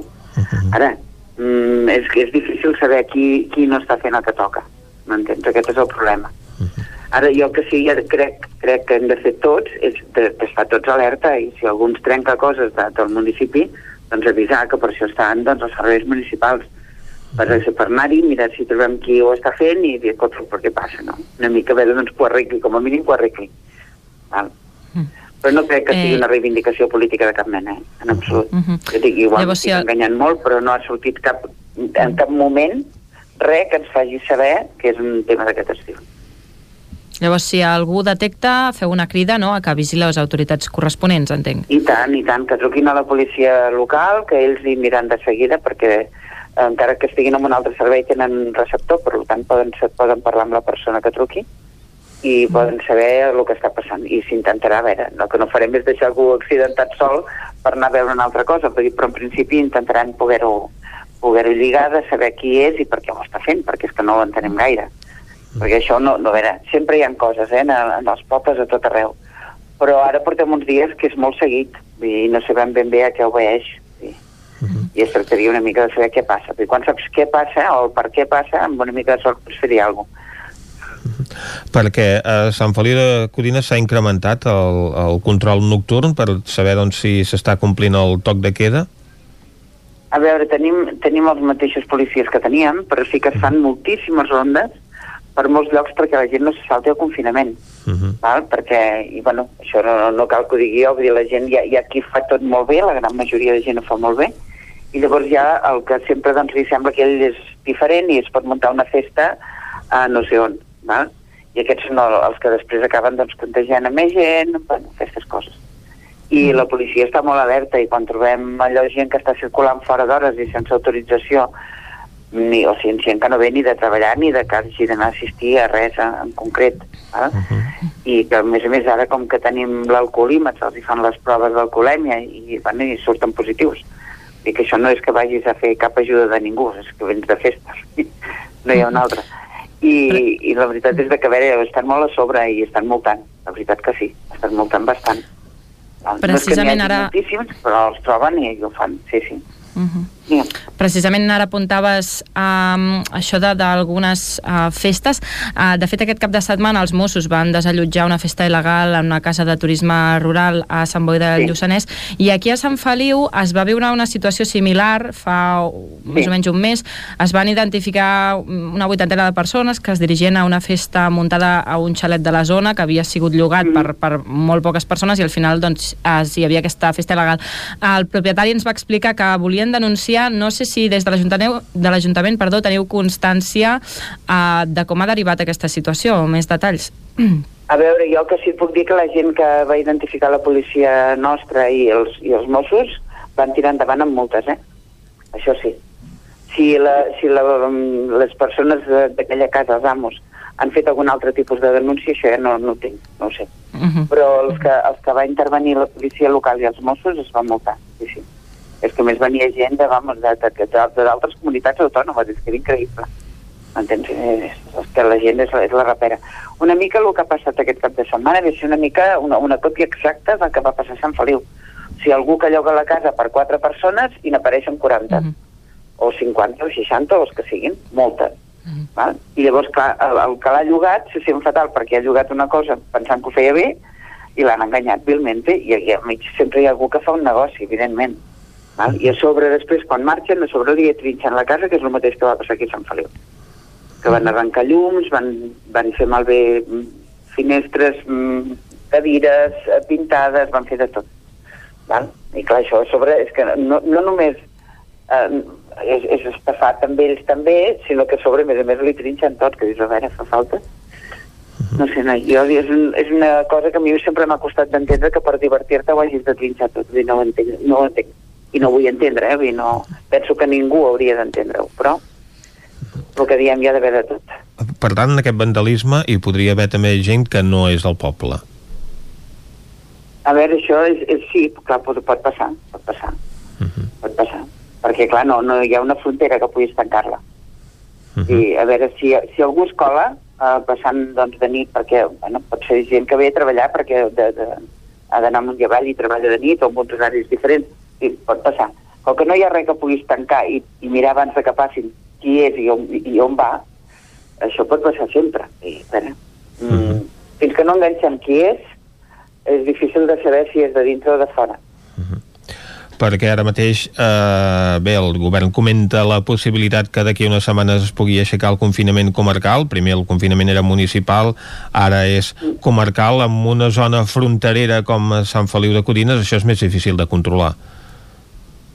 Doncs mira, és difícil de controlar sempre, ja et dic, és que no es, no es pot. Vull dir, el fet que siguem l'últim poble del Vallès, doncs té, té, en, en alguns moments ha tingut alguna connotació important.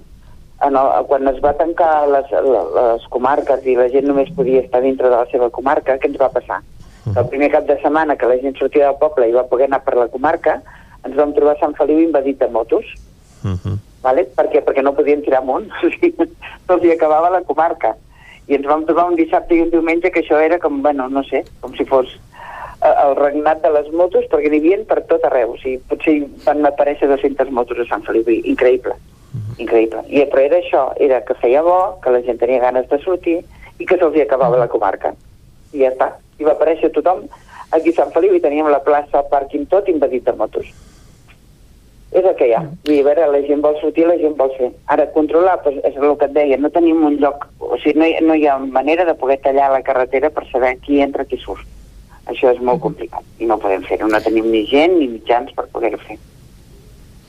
Fa uns mesos, en un moment en què no es podia consumir dins els establiments, es va detectar aquí al municipi doncs, persones que s'acumulaven davant bars i restaurants, tu mateix ens ho vas poder explicar. Sí. Uh, no sé com estarà la situació, uh, la, les persones compleixen la normativa, els establiments també, com, com es vetlla perquè es compleixi tot plegat? A veure, intentem de que, de que es faci tot el que toca per normativa. Val? Però jo penso que després d'un any hi ha qui, qui ho continua fent molt bé, que és la, la gran majoria de gent, i llavors hi ha els que sempre intenten saltar-s'ho tot. I sempre n'hi ha algun que es pensa doncs, que si tanca la porta de fora pot tenir dintre quatre persones consumint, i clar, és difícil de detectar. Però no vol dir que quan ho hem detectat la policia entra i aixeca acte. I que no hi tenim manies amb això, m'entens? Perquè a veure, estem parlant de que, de que la gent pot prescindir de veure una estona i pot prescindir doncs, de- d'anar al bar una estona. I ja està, i no és una qüestió de vida o mort per ningú, per tant la policia fa el que pot, el que pot eh, per, per, per, per quantitat de policies que tenim, vull dir, no, no pot estar més llocs, val? però que sí que ho fem, quan, quan es detecta algun cas de que la gent s'està saltant la normativa, doncs s'aixeca acte, i així de clar. Perquè, a veure, les, les normes són per tothom, no, no uns sí els altres no, entens? I s'ha hagut de multar molta gent que s'ha saltat aquestes eh, normes, bé Bueno, sigui per sí, consum sí, a la via pública, perquè no duien mascareta, etc No, per això no, per això no tant. N'hi ha alguns, però no, no masses. Però, bueno, i els locals, doncs, un- alguns fan el viu i volen obrir quan no toca, uh, i després a, a les nits pues, sempre hi ha algú que es pensa que pot fer festes perquè és més xulo que ningú. Això és el que hi ha. és el que hi ha. I quan, la, quan el troben a la nit i a sobre doncs, eh, li fan la prova i va begut, dius, bueno, i ja hi som. Uh, és el que hi ha. A veure, per sort som molt poca gent, vull dir, que passa que, que clar, és el que es veu més. Sempre el mal fet és el que destaca, no? Uh -huh. però bueno, és el que hi ha. De fet, ja et dic, sí, sí que s'està posant multes i a més a més tenen ordres de posar multes, eh?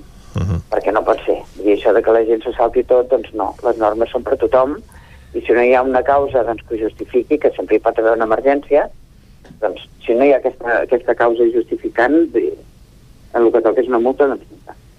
És ha. Doncs Mercè Serratacó, alcaldessa de Sant Feliu de Codines, moltes gràcies per acompanyar-nos avui. Jo abans de plegar, si em deixes un minut només, Mig minut, és el temps que ens queda abans de la publicitat. Vinga, va.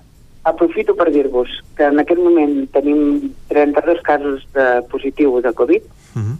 que ens han dit que és la soca britànica, que no és més greu, però sí més contagiosa, i per tant, eh, ja que tenim la, la sort, entre cometes, de tenir molt poca gent malalta, en aquest cas només una persona que està en un hospital, recomano a tothom que continuï fent el que hem dit sempre, que és les mascaretes, la distància, les Doncs mans i la Ho ventilació. tindrem en compte. Moltes gràcies, Mercè. Vale? Vinga, gràcies a vosaltres. Bon dia. El nou FM, la ràdio de casa, al 92.8. A Vic, T52, un taller d'emocions. Una celebració, un reconeixement, un record, la victòria, el premi. Tenim una solució personalitzada per a cada ocasió. Ens trobaràs al centre, al carrer 941 i també a l'Horta Vermella, al carrer Menéndez Pelayo 31. Més informació a t52.cat. Semblava impossible tenir veu, estudiar, treballar. Semblava impossible decidir sobre els nostres cossos. Semblava impossible tenir els mateixos drets. I a tu, què et sembla impossible? 8 de març, Dia Internacional de les Dones. Fèiem, fem i farem polítiques feministes. Diputació de Barcelona. A Montse Estètic Vic celebrem dos anys. Tant si ets client nostre com si ens acabes de conèixer, gaudiràs de descomptes i promocions tot el mes de març. Aconsegueix un 2 per 1 en la depilació làser al portar un amic o amiga i enamora't gratuïtament de la presoteràpia mentre et fem un tractament facial. Cuida't més que mai. Ara amb el 20% de descompte en tots els productes. Vine a Montse Estètic i mima't. Ens trobaràs a l'Avinguda Pius 12, número 26 de Vic. Al telèfon 672 1704 23 i a la web montsestètic.com. Cocodril Club. Si t'agrada la bona música dels anys 60, 70 i 80, escolta el 9 FM als matins de dissabtes i diumenges d'11 a 1. És el temps del Cocodril Club, tot un clàssic de la ràdio, amb les bases del pop-rock, les llegendes, les cançons que s'han convertit en autèntics himnes. Recorda, dissabtes i diumenges al matí, d'11 a 1, al 9 FM 92.8. Cocodril Club, el programa revival de l'Albert Malla. Hasta luego. Anuncia't al 9FM. La màquina de casa. 9 3 8 8 9 4 9 4 9. Publicitat arroba al 9FM.cat. Anuncia't al 9FM. La publicitat més eficaç.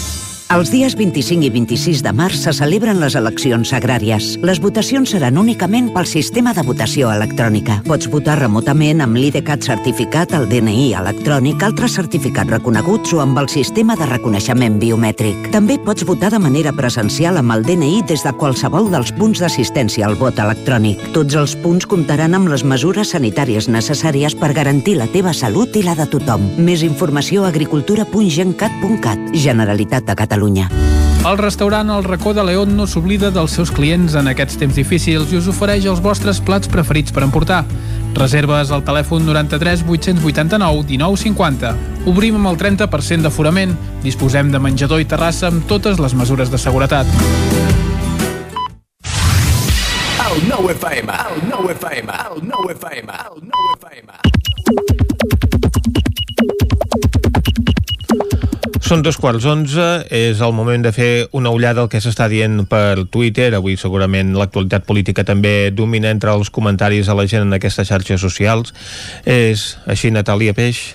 Sí, de fet hem trobat piolades també en relació al que va passar ahir, uh -huh. eh, aquesta revocació del tercer grau als presos eh, que compleixen condemna a lladoners, als presos polítics catalans i eh, la votació del, del suplicatori al Parlament Europeu. Eh, Josep Casasses, alcalde de Gurb, eh, piula no ens cansarem de demanar l'amnistia per totes les persones represaliades i exiliades i posa una foto de la concentració que es va produir ahir a la plaça Major de Vic. Juliana Canet diu tot el que podís tot el que podia seguir arrelant-me a Espanya ja no existeix. I l'advocada Teresa Rossell es fa ressò d'un titular del País una notícia que diu el gobierno nombra a una jueza de enlace con Bélgica i ella hi fa el següent comentari más bien jueza de desenlace. Aquest dimecres hi ha convocada una vaga al sector sanitari. En Jordi Ostenc, que és infermer del Ripollès, diu anem a la vaga perquè estem fartes de condicions laborals precàries i serveis col·lapsats que no ens permeten atendre correctament. Fartes del patiment que provoquen les retallades i privatitzacions dels serveis sanitaris, fartes de la mercantilització de la salut. L'usuari Xai Ecològic eh, comparteix una imatge de l'agenda rural de Catalunya i fa la següent reflexió. Congrés del món rural, pla per la recuperació de l'oví, consorcis, tècnics, conferències, jornades. En aquest país nostrat de tinglados mai n'han faltat. El que sempre ha faltat és suport a la pagesia activa i especialment al món dels pastors. L'Arnau com a Joan eh, parla del transport. Un tren no és com un tramvia i un tramvia no és com un autobús, igual que un autobús no és com un cotxe, siguin elèctrics, dièsel, d'hidrogen o tirats per cavalls.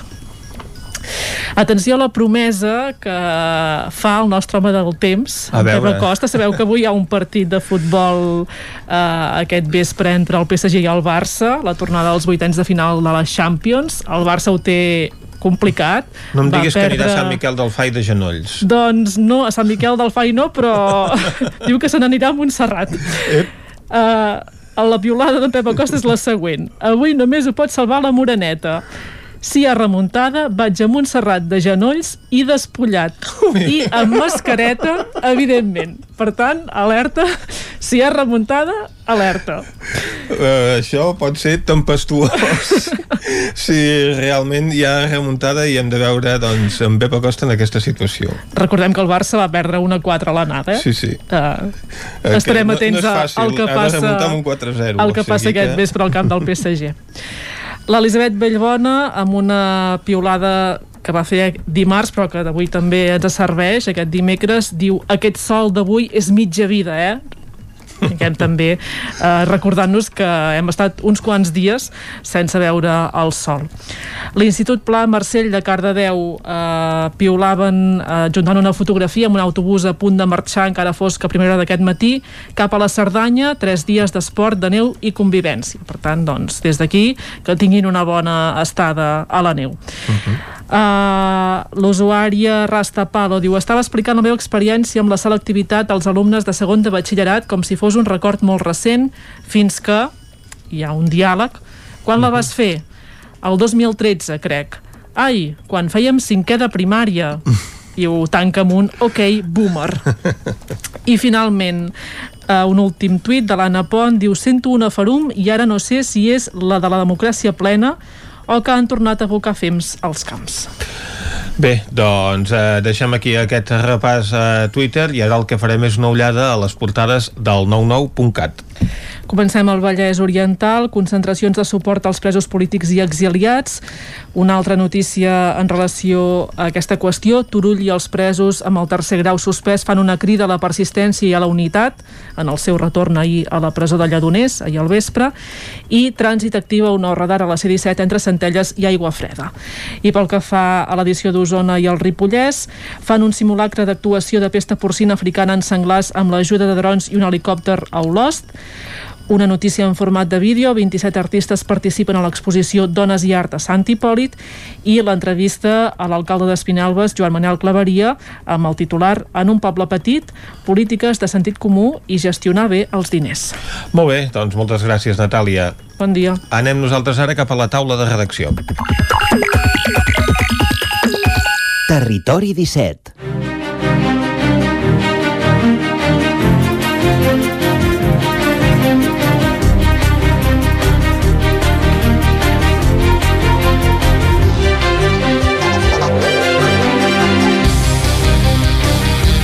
Avui a la taula de redacció comencem parlant amb en eh, Guillem Rico d'aquest espai eh, que vol crear el Consell Comarcal d'Osona destinat a gossos abandonats. Exacte, és el nou centre d'acollida d'animals eh, abandonats eh, i eh, això, hi han dos processos paral·lels. Per una banda... Cada cop n'hi ha més eh, d'animals abandonats, per tant és un problema doncs, que es va reiterant, que molts municipis no ho poden resoldre pels seus propis mitjans i que ara es planteja doncs, alguna, alguna solució col·lectiva, no? De fet, eh, des del 2008 la tendència és, és inversa, eh? És, uh -huh. cada vegada hi ha menys animals abandonats, si més no a la protectora cada vegada en recollien menys. Eh, tot i així s'ha dimensionat amb la possibilitat de que hi puguin haver Uh, un, una xifra d'animals més alta eh? uh -huh. uh, hi han dos processos paral·lels com deia, per una banda s'està fent uh, un concurs públic per, per per, per adjudicar el servei, diguem. Ara, des de l'any 2004, eh, ho fa la Prote, la protectora d'animals d'Osona. Uh -huh. eh, llavors es va fer aquest conveni que es va anar prorrogant, eh, o sigui, es va anar renovant, i ara des del 2007 està prorrogat. Um, el servei no estava creat com a tal i això és el que estan fent ara des de fa uns mesos al Consell Comarcal, des de finals del 2019 per una banda es crea el servei, per altra banda s'està fent aquest concurs públic i paral·lelament s'està fent aquesta, es treballa per crear un centre propi d'acollida d'animals. Per què? Perquè s'ha fet un estudi, es va crear una comissió amb polítics, tècnics i representants del món animalista per determinar com havia de ser el futur servei. Eh, es creava aquest servei perquè fins llavors, fins al 2004, cada ajuntament tenia la relació amb la protectora i van demanar que es canalitzés a través del Consell Comarcal i ells uh -huh. van començar-ho a fer però el servei com a tal no s'havia creat per part del Consell Comarcal i això és el que estan fent. I amb aquest estudi és quan han determinat que la millor opció és eh, crear un futur un, o sigui, fer la gestió directa amb una concessió de serveis i amb un equipament propi, però ara l'equipament no el tenen, es fan servir aquestes instal·lacions de la protectora i eh, el que hem fet és demanar un estudi a la Diputació que ja, que ja tenen eh, per veure quin cost podria tenir com hauria de ser eh, aquest nou equipament que de moment encara no tenen els diners per fer-lo perquè valdria uh -huh. entre 1,9 i 2,1 milions Carai Uh, tenen tres possibles terrenys uh, on, on fer-ho un és propi del Consell, que és a, a on hi ha el Centre de Tractament de Residus d'Urís, uh -huh. i els altres dos, la vicepresidenta i consellera de Medi Ambient, Margarida Feliu, per ara no ens els ha volgut dir, perquè els ajuntaments, vol que primer ho siguin els ajuntaments, són dos terrenys municipals de dos ajuntaments concrets que havien de fer un projecte i que han descartat i que per tant aquell espai es podria destinar a això, però de moment prefereixen que siguin els ajuntaments qui, qui ho facin públic perquè ho sàpiguen els veïns. Uh -huh. um, per tant, s'està estudiant entre aquests emplaçaments i eh, hi ha aquest concurs eh, que propera, ja hi ha 36 dels 50 ajuntaments d'Osona han dit que s'adheriran en aquesta nova proposta i s'està fent aquest concurs d'entrada per dos anys amb dos anys possibles de pròrroga no molt llarg perquè en aquest temps eh, creuen que es podria fer les eh, treballaran per poder construir aquest nou centre. És un centre d'acollida d'animals i recepció que hauria de tenir l'àrea de recepció, administració, àrea clínica, àrea de personal i logística, també un pavelló d'aïllament per gossos i gats, pavellons que integrin box de, de gossos, gàbies pels gats i també patis. Clar, això també suposa un equipament bastant gran. I pel que fa a les dades, eh, l'any 2008 va ser l'any en què se'n van acollir més, explicaven la tècnica de medi ambient del Consell, el Montsebadia. Això tenia a veure amb la crisi? Uh, se van acollir 250 gossos i prop d'un centenar de gats. Uh -huh. uh, l'any 2019 la, van ser uh, 106 animals abandonats eh, en, entre gats, gats i gossos. Uh -huh. La protectora en té més, eh? Aquests són els que recullen els ajuntaments i que sí aquí que la tendència és aquesta, això que dèiem, que des del 2008 fins ara doncs, va baixant i també ens deien, tot i que no tenien les xifres exactes, que respecte al 2019, el 2020, també a causa del confinament, doncs es va, es va reduir també aquesta xifra. Uh -huh. Per tant, han, de, han arribat a aquesta conclusió, que és millor tenir aquest centre, i ara, un cop tenen el projecte, s'està fent el concurs i treballen per veure quin serà el millor emplaçament uh -huh. eh, també en, en funció de, de l'emplaçament també es mirarà si es pot fer per fases etc i estan buscant també el finançament per poder pagar aquests 2 milions eh, 1,9, 2,1 aquesta, aquesta xifra uh -huh. um, per veure què. Sí que ens explicaven que per exemple el cas de, si no m'equivoco deien de, de, la, um, de, de l'Empordà, no recordo quin Empordà em van dir um, ho havien fet en un centre de tractament de residus també i això uh -huh. els havia fet reduir els costos perquè podien aprofitar algunes algunes infraestructures de, més de serveis i això que ja hi havia en, en aquesta planta i això podria fer reduir uh -huh. el, el cost uh, per ara... Uh... Tot i que evidentment segur que també és més lluny que els altres doncs, uh, est llocs que estan estudiant ara mateix. Exacte, sí. Uh, hi ha aquesta opció d'Uris, uh, hem de veure els altres dos municipis quins són. Uh -huh. Per tant, això, uh, és un procés que uh, el de la concessió eh, durant aquest any la, al voltant de l'estiu així s'hauria de resoldre uh -huh. i l'altre sí que anirà per més llarg perquè això perquè no hi ha, no hi ha els cèntims encara per, per fer-ho. I això no treu que hi continuï funcionant el centre de la protectora d'animals. Exacte, mentrestant eh, està prorrogat eh, aquest, aquest conveni que tenien amb, uh -huh. amb la protectora, hi han hagut tres convenis, l'últim és aquest que dèiem de, que acabava el 2016 i que des de llavors es va prorrogant any a any per tant de moment està prorrogat encara i uh -huh. fins que no resolgui el concurs que la Protectora també s'hi pot acabar presentant uh -huh. doncs de moment ho aniran fent des d'allà molt bé, moltes gràcies, Guillem. De res. No deixem de parlar d'animals perquè la pesta porcina doncs, és una malaltia que preocupa molt el sector ramader. Se n'han detectat doncs, eh, eh, brots en alguns exemplars de porcs senglars a Europa i estem doncs, que aquesta malaltia es pogués estendre fins aquí i arribar a les granges i per aquest motiu ahir el que es va fer Santa, Cleu, Santa Creu de Juglàs és una, un simulacre d'una actuació en cas de pesta porcina. És així, no, Clàudia? És així, tot i que hem de dir, eh, per calmar una mica els ànims, que és un escenari que d'entrada no es preveu, eh, però sí que s'ha de, de, de tenir en compte eh, per fer el possible perquè aquesta malaltia doncs, no entri a Catalunya. Com deies, aquest dimarts eh, vam ser a, a Olost, a Lluçanès, en un simulacre d'actuació eh, que el que van fer doncs, els agents rurals era què s'ha de fer en cas de localitzar un focus de pesta porcina africana, concretament en porcs senglars. Quin era l'objectiu? Doncs avaluar la resposta ràpida davant d'una emergència sanitària amb la detecció i localització d'exemplars morts, la senyalització i extracció de mostres i també la retirada eh, d'animals. El que vam fer va ser anar fins a Santa Creu, eh, des d'allà vam agafar cotxes, ens vam traslladar eh, uns, un parell de quilòmetres i vam aparèixer a pocs metres del pantà de la Gavarresa. Allà el que vam fer doncs, ser, eh, va ser presenciar com la Gaia, que és el gos del grup especial caní dels agents rurals, doncs va localitzar el cadàver d'un dels tres porcs senglars que anteriorment eh, ja s'havien amagat al medi natural per poder doncs, dur a terme aquest simulacre.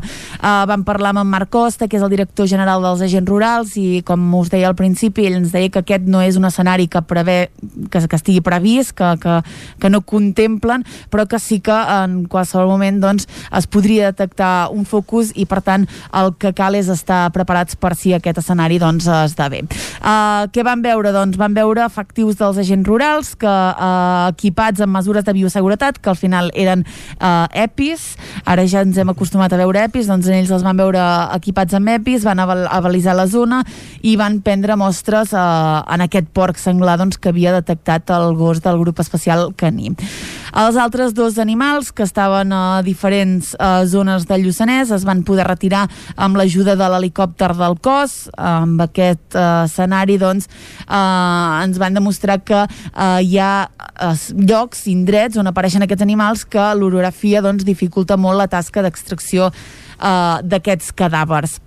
També vam parlar amb en Carles Sánchez, que és el cap de secció de Vigilància, Lluita i Control de Malalties dels Animals de la Direcció General d'Agricultura i de Ramaderia, que el que ens deia és que des de l'aparició de la pesta porcina a Bèlgica l'any 2018, el Departament d'Agricultura doncs, no ha deixat d'implementar actuacions per millorar l'estat de la bioseguretat a les granges i prevenir l'entrada de la malaltia a casa nostra, a Catalunya. Eh, també ens va dir que des de l'1 de gener d'aquest mateix any doncs, s'han doncs, pres 101.000 eh, mostres de sang per al control d'anticossos i 29.000 mostres per PCR de bestiar porcí i que s'ha analitzat 18 porcs senglars trobats morts al medi natural, el mateix escenari que ahir vèiem, eh, tot i que també per tranquil·litzar-nos ens va dir que eh, tots els resultats han estat negatius, per tant, eh, de moment podem dir que ni rastre de la pesta porcina a Catalunya, tot i que sí que és veritat que eh, els agents rurals estan preparats i molt eh, per si aquest escenari doncs, es produís. Uh -huh. Esperem doncs, que això no passi, que no hi hagi transmissió a través dels ports senglars, perquè sabem doncs, que les granges de la comarca d'Osona i de Reu de Catalunya doncs, està seguint un control molt estricte per evitar doncs, que la cabana porcina resulti afectada d'aquesta malaltia, fet que doncs, provocaria estralls en el sector. Avui hem parlat d'animals, de gossos i gats i de la pesta porcina a aquesta taula de redacció que hem compartit amb en Guillem Rico i la Clàudia Dinarès. Territori 17 I quan passa un minutet de tres quarts d'onze del matí, Vicenç, hem de deixar la taula de redacció i hem de parlar de literatura, perquè entrem al Lletra Ferits. Doncs, efectivament, entrem al Lletra Ferits i avui per parlar d'un llibre d'història. Es titula La democràcia després de la dictadura al partit carlí a la comarca d'Osona durant la transició democràtica. Aquest llibre està dedicat al primer alcalde del partit carlí de Catalunya en el primer Ajuntament Democràtic després de la dictadura franquista a Sant Pere de Torelló. Era en Pere Rierola i Prat. L'autor, tot i que l'entrevistem des d'Ona Codinenca, és de la comarca d'Osona, no Caral Campàs? Efectivament, doncs l'autor Jaume Campàs i Fornols, que és historiador, escriptor i exprofessor, és fill de Centelles, tot i que viu a Caldes de Montbui des de fa més de 30 anys i per parlar d'aquest llibre, de l'últim llibre que ha escrit, el tenim al telèfon. Bon dia, Jaume. Bon dia, bona hora. Explica'ns una mica. Uh, la democràcia després de la dictadura, el Partit Carlí a la comarca d'Osona durant la transició democràtica, com sorgeix la idea d'escriure aquest llibre? A veure, la necessitat fa evident una cosa, és que el Partit Carlí la comarca d'Osona durant la transició democràtica és un partit evolucionat que ha agafat l'idea del socialisme autogestionari, a la qual va perpetrar aquest tema el príncep Carles Riu, un príncep que no és ensucrat sinó és una persona que va evolucionar amb les idees i va portar a terme l'autogestió. Aquest tipus de carlisme doncs, s'expansiona a la comarca d'Osona i arriba doncs, tenir doncs, una certa realitat activa i progressiva en el marc de l'Assemblea, al Consell de Forces Polítiques de Catalunya i tal, i llavors eh, es va fer una feina, una activitat, a la qual, en el moment de l'any 79, que hi ha els ajuntaments democràtics, doncs el Partit Carlí de Catalunya, doncs en aquesta comarca, té dos ajuntaments, en el qual un és Sant Pere de Torelló i l'altre és Centelles. I amb la situació aquesta em predisposo a explicar la trajectòria i l'evolució d'aquest partit en aquesta comarca. Per tant, la idea va ser agafar la persona d'en de, Prat, eh, d'en Rierola Prat, a Sant Pere de Torelló, que ell va portar a terme com a alcalde durant un temps, i a Centelles hi va haver-hi un altre, eh, mm, el mateix partit carlí, a Centelles, doncs, va amb el grup democràtic, amb un grup d'independents en el qual era de coalició, hi havia Convergència, hi havia el Partit Carlí, però aquests dos partits van renunciar a la militància, s'hi va afegir tota una pila de gent que aleshores havia estat en el Front Nacional de Catalunya, en el regrupament, com independents, i es va fer la candidatura. Jo parlo d'aquest tema, concretament d'aquest tema. Uh -huh. El llibre eh, ajuda a entendre millor les circumstàncies històriques del carlisme marcades en un període concret, que fins ara han estat oblidades de la comarca d'Osona i del carlisme en general? A veure, el, el tema de, del carlisme, eh, a la transició democràtica, jo penso que és un, un moment neuràlgic o àlgic eh, per entendre el carlisme evolucionat, altra cosa no. És evident que aquest carlisme, eh, amb el temps, doncs, ha anat perdent flaçades, perquè al no poder accedir a l'activitat política, raons vàries, eh, primer, sí, els fets de Montejurra, que hi van haver-hi 40 frits, dos morts, després la no legalització d'aquest partit, després quan va accedir l'any 79 eh, a les eleccions, eh, perquè al 77, a les primeres eleccions, ho va haver-ho de fer amb la candidatura d'unitat popular pel socialisme, uh -huh. eh, amb una situació que no era legal, o sigui, no estava legalitzat aquest partit, i llavors el, el, el 79, quan 78-79 va, va fer les altres eleccions, no, no va treure els suficients vots perquè es presentava amb una idea molt innovadora de la qual era molt difícil de que la gent s'engresqués per votar. Per altra banda, hi havia altres partits socialistes i tant socialistes, doncs, difícilment de, de fer-ne una tria. Però, bueno, eh, era centrar, explicar eh, el moviment dintre aquest concepte, que avui això està apartat de la realitat perquè els mitjans i, i normalment quan les coses no van bé en una empresa, doncs normalment es desgriguen, es desgrigué, a veure, no la paraula, vull dir que... Es disgrega, no? Ah, exacte. Uh Mhm. -huh. Es disgrega una mica tot, doncs això, ara l'actualitat és aquesta. Perquè el partit, el partit eh, eh, carlí va ser reconegut amb posterioritat al, al Partit Comunista a Espanya? Sí, primer va ser el Partit Comunista, Uh -huh. i, o sigui, a les eleccions del 77 van estar legalitzat el Partit Comunista i el Partit Carlí no. Quina, quina era la qüestió? Home, que hi havia un element que era mm, no acceptat per la monarquia franquista d'aquell moment, uh -huh. que era un altre pretendent, i això no, no es veia amb bons ulls. Uh -huh. Aquest era l'ele- l'element clau. Mm? I, I, per tant, això s'hi van posar tantes pals a les rodes com s'hi va poder. Llavors, eh, ens parlaves que et centres eh, sobretot de, del primer Ajuntament Democràtic després de la dictadura, eh, liderat per Pere Rierola i Prat. Eh, Què et porta a interessar-te per aquesta figura?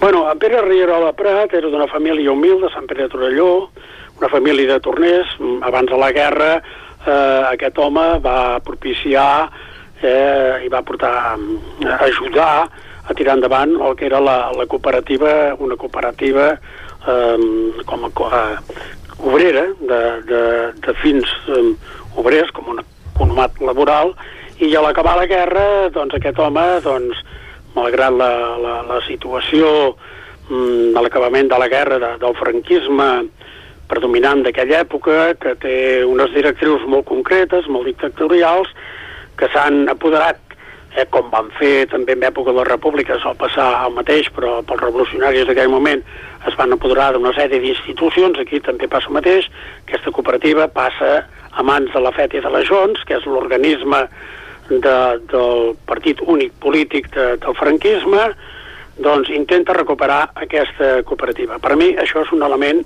important, un home que va ser lluitador en aquest sentit, que va parar fins que va aconseguir eh, tirar endavant aquesta cooperativa, o sigui que fos reconegut una altra vegada, doncs això és un element. I l'altre seria la idea que, com a persona evolucionada, que ell agafa del partit, eh, com entén que és el socialisme autogestionari, que és una manera d'incidir a la societat des d'un punt de vista mm, social, favorable, és un lluitador nat, és una persona molt respectada tant per dretes com per esquerres i per tant a mi va ser una persona capdalt no només en aquest punt polític sinó com a cristià compromès amb la societat i per mi jo vaig agafar com a element clau per, per parlar d'ell i de la transició i del Partit Carlí a la comarca d'Osona.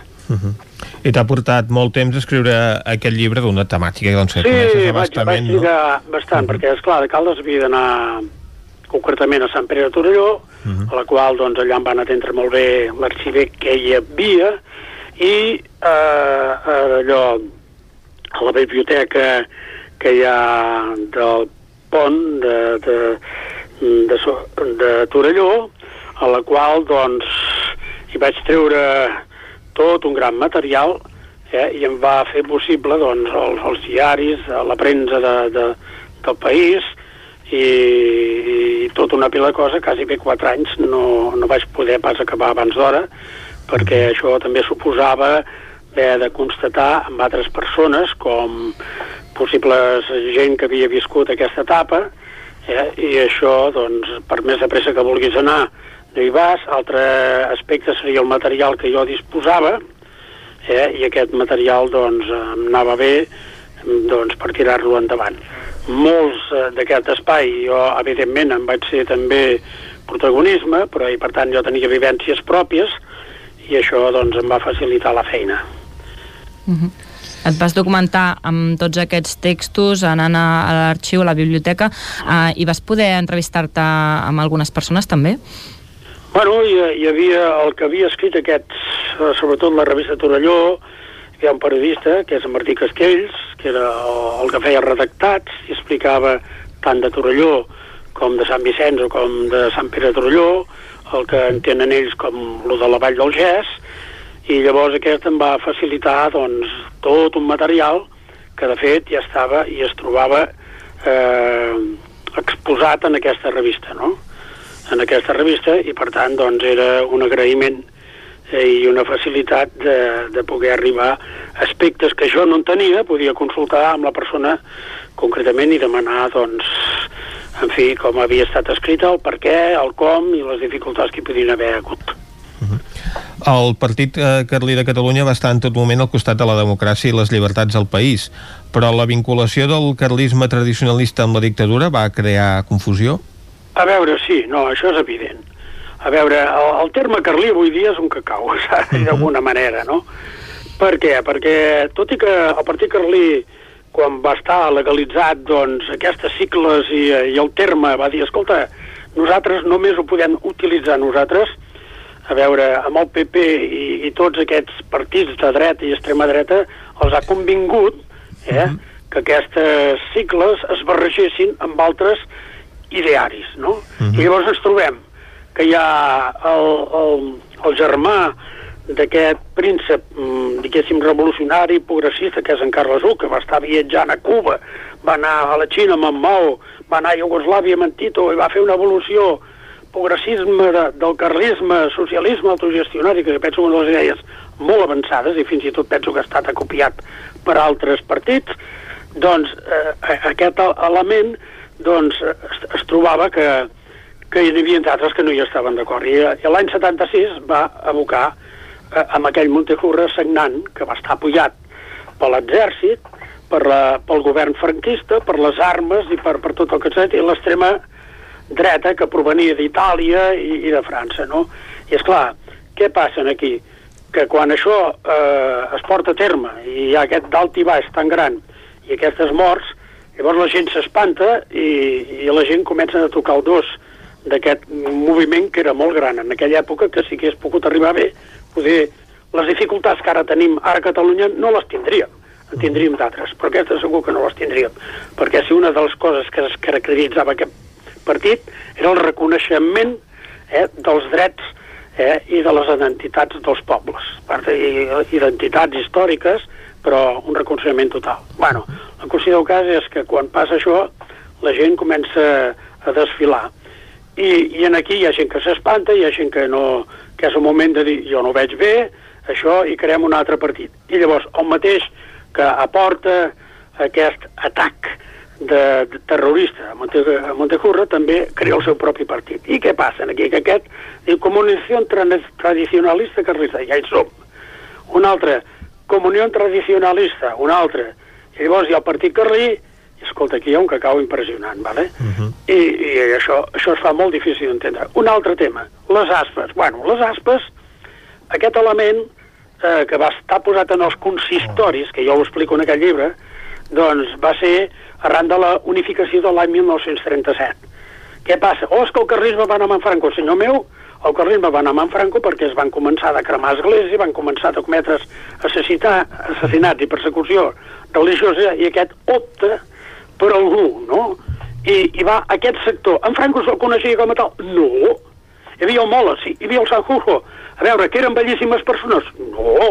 Perquè si mirem la història, bueno, agafa't aquests generals. Però bueno, en aquell moment va anar d'aquesta manera. Que els carrins catalans estaven a favor d'aquest aixecament? No. Que qui era eh, el seu representant en aquell moment? En d'allò, en Tomàs Cailà. I aquest home estava? No va dir que no, que no ho fessin, però però les circumstàncies de, de molta gent de veure que els mataven, cremaven les, les esglésies o, o, o perseguien el, el fet religiós, això els va portar en aquesta situació. Mm. Vale, molt bé, quan estem aquí, això, aquest carlisme és el de la guerra, és dels anys 80. De vegades ho traiem de context i ho barregem. Oh, és que hi ha un mausoleu eh, a Montserrat. Escolta, allò té una història que no té res a veure. O que hi han unes paraules que fan referència al franquisme. Collons, les traieu, perdó, les traieu, les fumeu fora, però, però els morts allà van morir per una qüestió que no té res a veure amb tot plegat. Mm. Vale, aquest carlisme disgregat, diversificat, és fruit eh, d'un mal temps. O sigui, quan, quan el, el partit carlí és legalitzat, eh, però ja tard, eh, ja no té possibilitats. I llavors en aquí, què passa? Bueno, hi ha aquests altres, aquestes aspes, que, que era l'ensenya, eh? eh? doncs això va, tret, va estar tret eh, abans, o sigui, a l'inici de la Guerra Civil, per donar al carrisme una simbologia. Uh -huh. I aquesta simbologia es va penjar eh, amb la unificació a tots els ajuntaments. Jo recordo Centelles, que amb els meus companys deia, què hi fa això penjat? Mira, jo si pogués hi calaria foc. Però com que no tinc nassos, perquè si ho faig, doncs, ja tindrem problemes, perquè els carlins, tot i ben s'ha trobat amb, aquesta, amb aquella situació, tot i ben s'ha trobat amb aquella situació, no perquè jo sóc fill d'aquell carlisme, però vaig fer l'evolució cap al socialisme autogestionari en el seu moment, i ara me n'estic apartat per qüestions personals. Però aquesta evolució eh, va, es va ser fer posterior. I en aquell moment hi havia aquelles, aquelles aspes allà penjades. Uh -huh. Què es podia fer amb allò? Doncs no sé. Però si parlem de l'acabament de la, de la... O sigui, més ben dit, si comencem ja a la Guerra Civil, hi han tota una sèrie de fets que el carrisme es vol apartar d'aquest fet del franquisme, i això no se n'ha parlat gaire, perquè no interessa. Uh -huh. Però en aquell moment, doncs, eh, el, el fet de que es vol crear un carrisme propi, diferent del moviment, tota la unificació, doncs equival a que a tots els seus dirigents doncs, són deportats, exiliats, contenats, i això ningú no en diu res. I Sant Sebastián, doncs, hi ha, hi ha la policia que actua. Bueno, Jaume, se'ns acaba el això? temps. Gràcies per acompanyar-nos eh, i per presentar-nos doncs, aquest llibre, La democràcia després de la dictadura al Partit Carlí a la comarca d'Osona durant la transició democràtica. Moltes gràcies per acompanyar-nos avui. res, i perdoneu l'allargada. No patim. Eh, Jaume Campàs és qui ens ha acompanyat al Lletra Ferits d'avui. Nosaltres ara anem a recuperar l'actualitat més immediata. Val.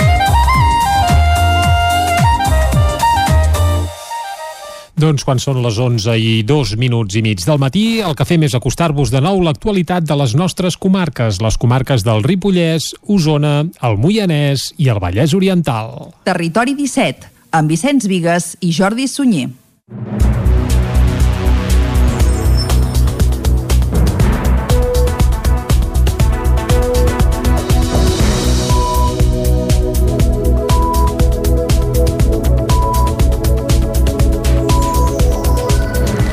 Gairebé 240 persones van disposar del servei local de teleassistència a Ripoll durant el 2020 amb un total de 146 emergències. Isaac Muntades des de la veu de Sant Joan.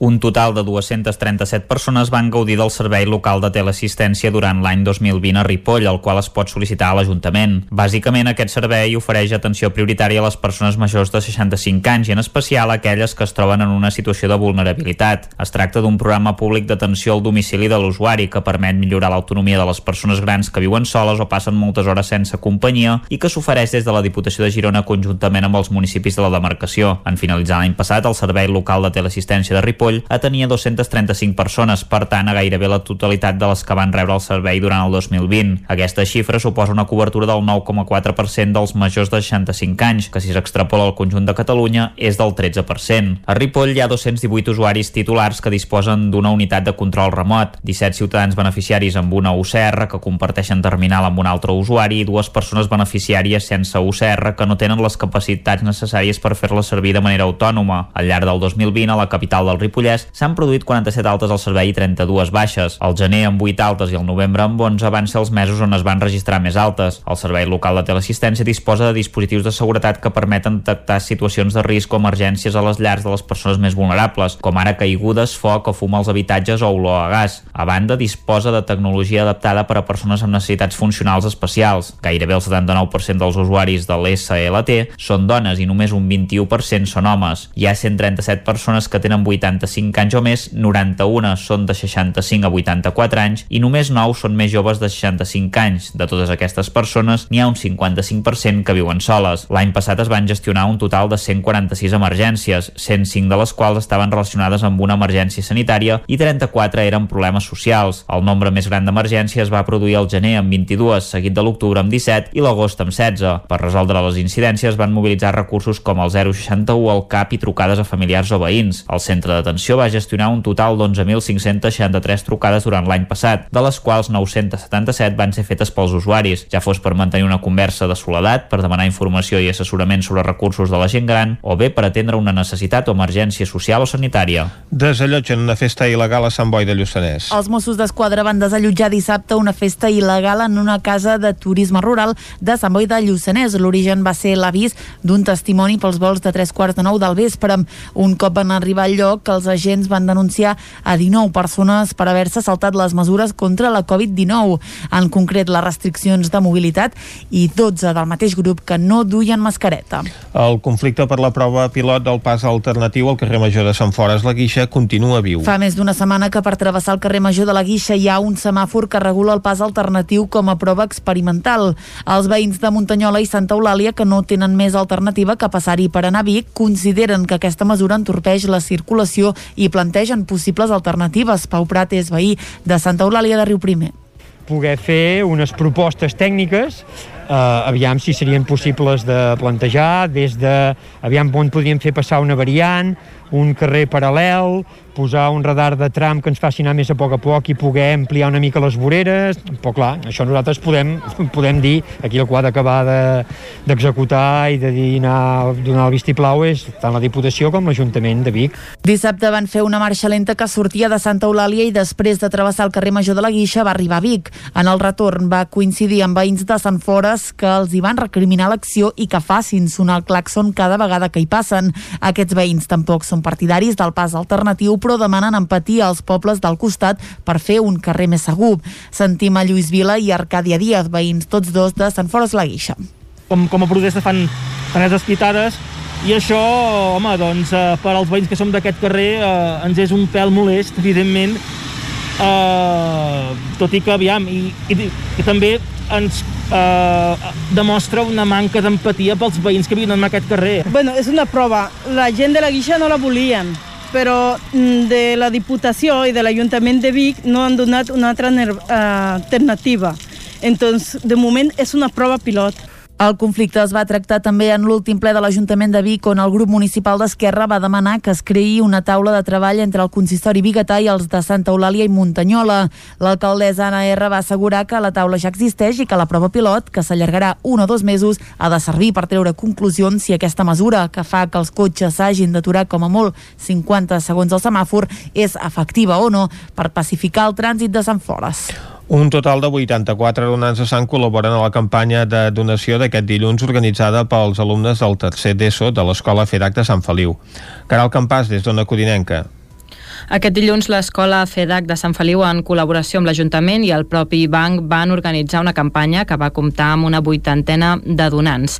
D'aquest total se'n van comptabilitzar 11 de nous. La campanya es va programar només dues setmanes després que la població ja hagués acollit una jornada de donació al centre cívic. Carola Gassió, coordinadora del projecte i professora de secundària, lamentava que s'hagin programat amb tan poc marge de distància que no, no es tracta eh, de buscar culpables aquí, no. es tracta de fer una reflexió i de pensar que mai més es pot fer una campanya fent-ne dos seguides. És que és de sentit comú. Val? El que passa és que l'altre ja el devíeu tenir organitzat o ja el deurien tenir, no ho sé, no? en altres uh, poblacions i uh -huh. van així però clar, això jo penso que ens ha perjudicat. Normalment es distribuïen, distribuïen fulletons a totes les cases. Enguany no va ser així. L'alumnat de tercer es va implicar en la difusió de la jornada i en algunes assignatures van dissenyar els banners per difondre a través de les xarxes, ja que la difusió va ser exclusivament digital.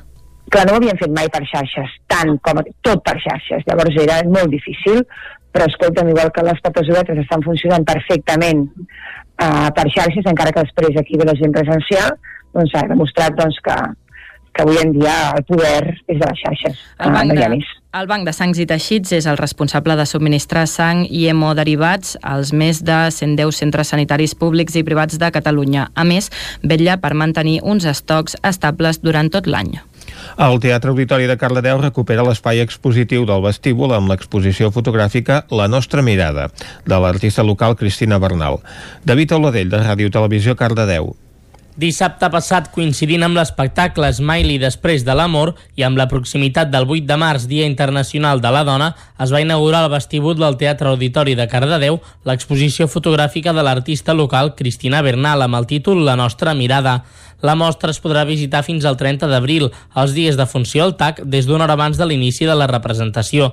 Amb aquesta mostra es consolida la recuperació de l'espai expositiu del vestíbul, un espai d'acollida de l'equipament cultural que vol ser un altre aparador municipal de cultura, amb l'organització d'exposicions bimensuals, especialment centrades en el món de la fotografia. Al mes de gener d'aquest any ja es va exhibir una primera mostra, centrada en el Festival Tastautors, coorganitzada amb l'Escallot i l'artista David Parelló, amb una proposta de tast i alhora de record dels 17 anys de funcionament d'aquest cicle de renom que se centra en músiques de petit format i de cara al maig es treballa en una exhibició fotogràfica al voltant de la música i la dansa, per tal d'acompanyar la programació d'activitats com Trama, de la companyia Roger López, el Festival Labyrinth i el concert d'Operació Paqui. Des d'aquest dilluns està oberta al públic a la Casa del Mallol, a Sant Hipòlit de Voltregà, l'exposició Dones i Art, que presenta el treball de creadores de diferents disciplines del voltreganès i de la comarca d'Osona. 20 de les 27 creadores de diferents disciplines i edats que participen a l'exposició Dones i Art es van reunir diumenge en un acte organitzat per l'Ajuntament de Sant Hipòlit de Voltregà. La mostra és una iniciativa conjunta de les àrees d'Igualtat, Joventut i Cultura del Consistori que van fer una convocatòria per omplir d'art femení la Casa del Mallol Oriol. L'Anna Jiménez és la coordinadora de l'exposició.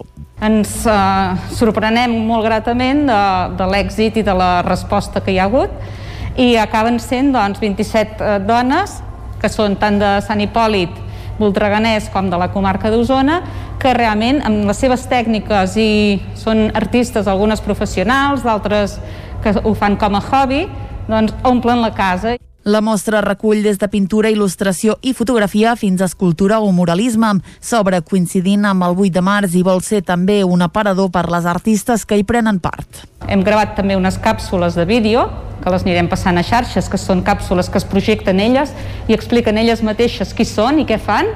I també l'edició de, en un futur proper doncs, d'un document eh, en paper, que sigui com un catàleg, com un llibret, que surtin doncs, totes les artistes que han participat i que puguin doncs, eh, difondre qui són i el seu art. L'exposició Dones i Art amb aforament limitat per les restriccions de la Covid-19 es pot visitar a la Casa del Mallol de Sant Hipòlit fins al 28 de març. I fins aquí el butlletí informatiu de les 11 del matí que us hem ofert amb les veus de Vicenç Vigues, Clàudia Dinarès, David Auladell, Caral Campàs i Isaac Muntades. Ara una breu pausa i de seguida anem cap al territori sostenible amb en Jordi Givert. Territori 17. Envia'ns les teves notes de veu per WhatsApp al 646 079 023. 646 079 023. WhatsApp Territori 17.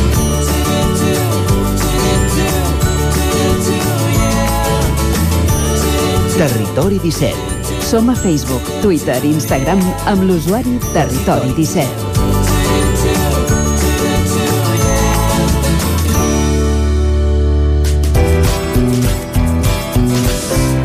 Doncs quan falta un minut i mig per un quart de dotze, ens capbussem al territori sostenible amb en Jordi Givert.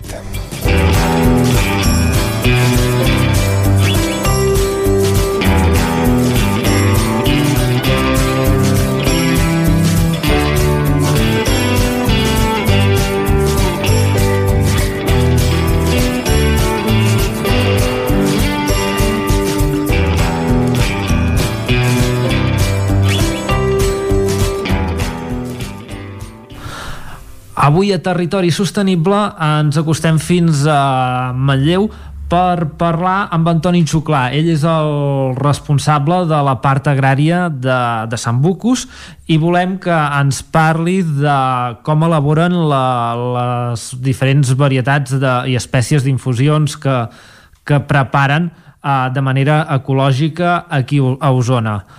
Uh, hola, Toni, com estàs? Hola, molt bé. I tu?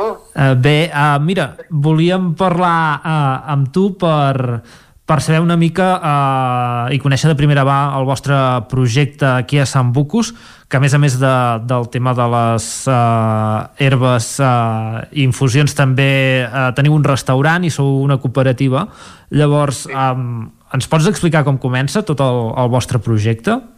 Uh, bueno, som una cooperativa de treball i una empresa d'inserció laboral. Uh -huh. Aquí comença el nostre projecte el 2012 una sèrie de socis, en aquell cas jo, en aquell moment jo encara no hi era com a soci, inicien el projecte Sant Bucus Sant Bucus hi posen aquest nom primer que potser és molt... Bueno, sona bé, però també perquè és una, el nom científic o el nom llatí d'una planta, del saúc. Mm. Una planta, una típica planta que tenim a Ribera o aquí a la comarca arbust, més ben dit que planta. Sí, el saúc, un... comentaves. Sí, el saúc. Uh -huh. I el, posem el nom en llatí, Sambucus, més que tot perquè intentem ser una empresa que es pugui, puguem fer moltes feines, perquè el nostre objectiu al final és donar llocs de treball. Uh -huh. Per això, com, bueno, eh, aquí comença. I el comencem a través de la part agrària, que eh, sobretot infusions que s'han consolidat i també una petita, una mica d'horta, uh -huh. que la vam deixar, i la part de restauració i de cuines de col·lectivitat. Això són les nostres tres grans potes.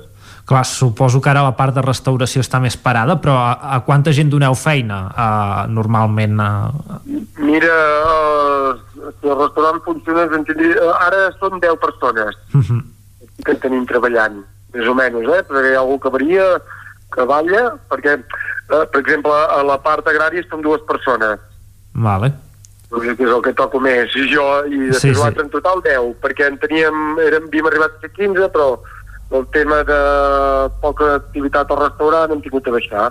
Normal. De, de, sí, bueno, de, de, bueno, tenir menys gent, sí.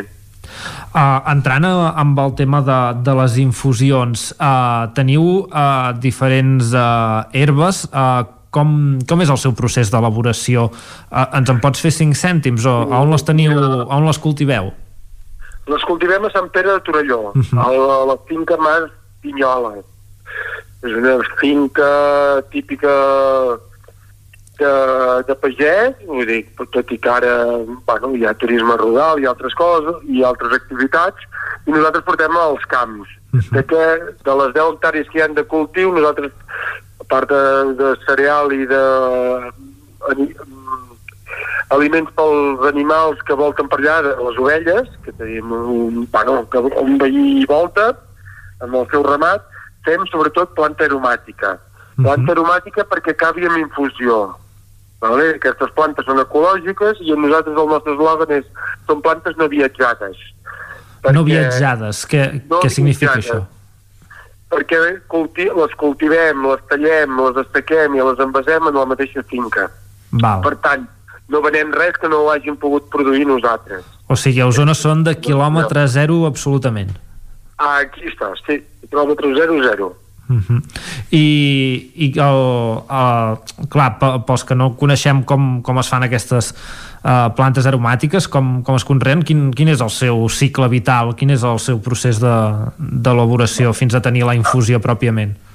Mira, el seu, si ho comparéssim, perquè segurament tots el tenim al cap amb l'horta, uh -huh. l'horta són cicles molt curts, normalment eh, un, quan, qualsevol verdura, hortalissa, com a molt estaran al camp 3-4 mesos, potser un any. Les plantes aromàtiques que estan en el camp 5, 6, 7, fins a 10 anys. Per tant, el que la prioritat ella, que, que nosaltres en el, en el cultiu és que elles vagin creixent bé, en el seu ritme, i en els moments òptims depèn de quina quan hi ha flor, depèn de quina quan ja l'han perduda, o abans, les anem tallant. Va. Per tant, el nostre procés és anar tallant durant tot l'any, sobretot de d'abril a octubre, que és quan les plantes en aquest nostre país estan més uh, alfanoses i amb, amb creixement, uh -huh. és quan nosaltres tenim més feina tallant. Val, i, i un cop ha estat eh, tallada eh, on, la, on, les, on les porteu? Teniu un lloc específic per deixar-les a secar, suposo? Específic, sí, les podríem deixar en un lloc eh, amb ombra i esperar un, un mes que s'assequessin. Uh -huh. Assecar vol dir que perdin tota la humitat que tenen o tota l'aigua, però nosaltres vam muntar un assecador solar. Un assecador solar? Un assecador solar que gràcies a l'acció del sol que escalfa la taulada la, eh, eh, fem, xuclem aquest aire calent de, que el sol ens ha escalfat i amb un seguit de ventiladors forcem l'aire que circuli. Per tant en 5 dies tenim com a molt tenim les plantes seques. Uh -huh. i, I això digues. Uh, uh, no, anava a preguntar aquest ja, ja seria l'última part del, del procés? Queda posar-les a la bossa diguem-ne o falta algun altre pas? no, no després fa, hi ha el procés de paciència Ah, que paciència. Dir, que diem nosaltres en plan així, en plan ironia, perquè és el que costa més, que és treure la part que volem, sobretot fulla o flor, i descartar tota tija i tota fusta que puguem haver tallat. No, perquè les plantes, per exemple, si ens imaginem tots un romaní sí. o una farigola, nosaltres només ens interessa la fulla, que és on hi ha els principis actius, olors, gustos... Per tant, després, eh, sobretot a mà, perquè intentem fer-ho tot a mà, perquè ens estimem més tenir persones que no màquines, uh -huh. ho anem fent, anem destriant, anem garballant, i quan tenim tot el procés, totes les, la planta separades, comencem a fer els envasos, envasar. Un treball manual i, i minuciós, aquest. Sí, sí, sí, tal qual, sí, uh -huh. sí. I, i el, quin, quines són les varietats que, que tracteu més? Quines espècies són les que, que utilitzeu Bueno, més? Mira, utilitzem unes 40 o cultivem unes 40 plantes. D'aquestes, uh -huh. les que produïm més, potser hi fem, per exemple, la farigola, la farigola la cultivem, però també la collim del, de tot el, la, la finca, la que Sí. surt silvestre. Val, llavors, clar, a més a més de, de produir, eh, recol·lecteu, diguem-ne. Sí, més co- recol·lectem de la nostra finca perquè la tenim certificada ecològica Uh -huh. per tant podem vendre tot a l'ecològic. Teniu, tota la producció que teniu està, eh, és ecològica i està certificada com a tal. Sí, exacte, i la, i venem com a tal, Mhm. certificada, amb el sello corresponent, Molt bé. i plantes, altres plantes curioses que cultivem, bueno, en aquest cas, que recollim del nostre camp, que la nostra finca és l'ortiga, que també la tenim en una infusió, l'or- uh, quina més. Després tenim plantes que són, entre cometes, més modernes al nostre territori, com l'estèvia, que ens surt bastant bé aquí, que la flor de saúc, també la, la utilitzem, i, i després ara, per exemple, hem tret un nou producte que es diu caldo silvestre. Caldo silvestre, això, Caldo silvestre, sí. això seria, o sigui, és un caldo com a tal. Eh, eh, Un caldo instantani, Ah, mira. com a, però eh, sense cap mena de procés químic entremig, sinó just recollint les plantes que tenen, tiren a tenir un gust semblant a, a aquests caldos que podem, que podem fer a casa. Sí que, D'una col, d'un àpid, eh, d'una ceba. i, I ens comentaves que és un instantani, que, que en uns minuts el tens fet. Infusió. 3 minuts d'infusió, vull dir, aigua calenta, bu Mhm. quan està bullint, la, i posem l'herba, traiem del foc, 3 minuts de d'infusionar-se, colat, i ja ens el podem prendre. Potser la gràcia que en comptes de tirar-hi sucre, Mhm. podrem tirar-hi sal, o, i pebre, i alguna altra espècie. És, és, és interessant. Sí, sí. Com, com, com, heu, com heu tingut aquesta, aquesta idea de, de fer una, una, un caldo instantani de, amb infusió? Bueno, això és passar moltes hores sota el sol. Ah, val. No, i després eh, és, sí que deixem una part de la nostra feina poder innovar, innovar amb el que nosaltres, amb els nostres propis re, eh, recursos i anar trobant productes que puguin ser interessants al mercat perquè la competència és ferotge, dir que tenim, som molt petits i, i n'hi ha molts que en venen d'infusions i per tant hem d'anar intentant fer forat al mercat. I amb el confinament que amb altres productors eh, de diferents eh, eh, productors locals eh, hem vist que la gent ha, ha, ha tornat a comprar eh, producte ecològic, producte de proximitat. A vosaltres també us ha passat? Sí, sí. Uh, mira, nosaltres, uh, abans del confinament, el nostre principal client era els restaurants, Sí. restaurants i cafeteries. I, clar, com ens van tancar tots, aquest client pobre mm, va parar de comprar o va desaparèixer una mica de la nostra relació i després vam intentar tornar a incidir amb el client final a través d'una pàgina web que podem vendre, infusions.cat, i de botigues que venen productes ecològics. I déu-n'hi-do, sí, ens, ha- hem, podem estar ben contents que s'ha notat aquest increment. Sí. Doncs esperem que mica en mica els restaurants també tornin a, a obrir i a comptar amb, amb les vostres infusions. Toni, moltes gràcies per, per atendre'ns i explicar-nos com treballeu. Doncs eh, gràcies a vosaltres per confiar o per eh, demanar-nos a veure què, com ho fem. Molt bé, doncs uh, tornarem a parlar amb vosaltres un dia uh, sobre la cooperativa i, vale. i per veure com, com, com us funciona. Uh, gràcies uh, i nosaltres us deixem amb els companys del Territori 17 per repassar l'actualitat local de les nostres comarques.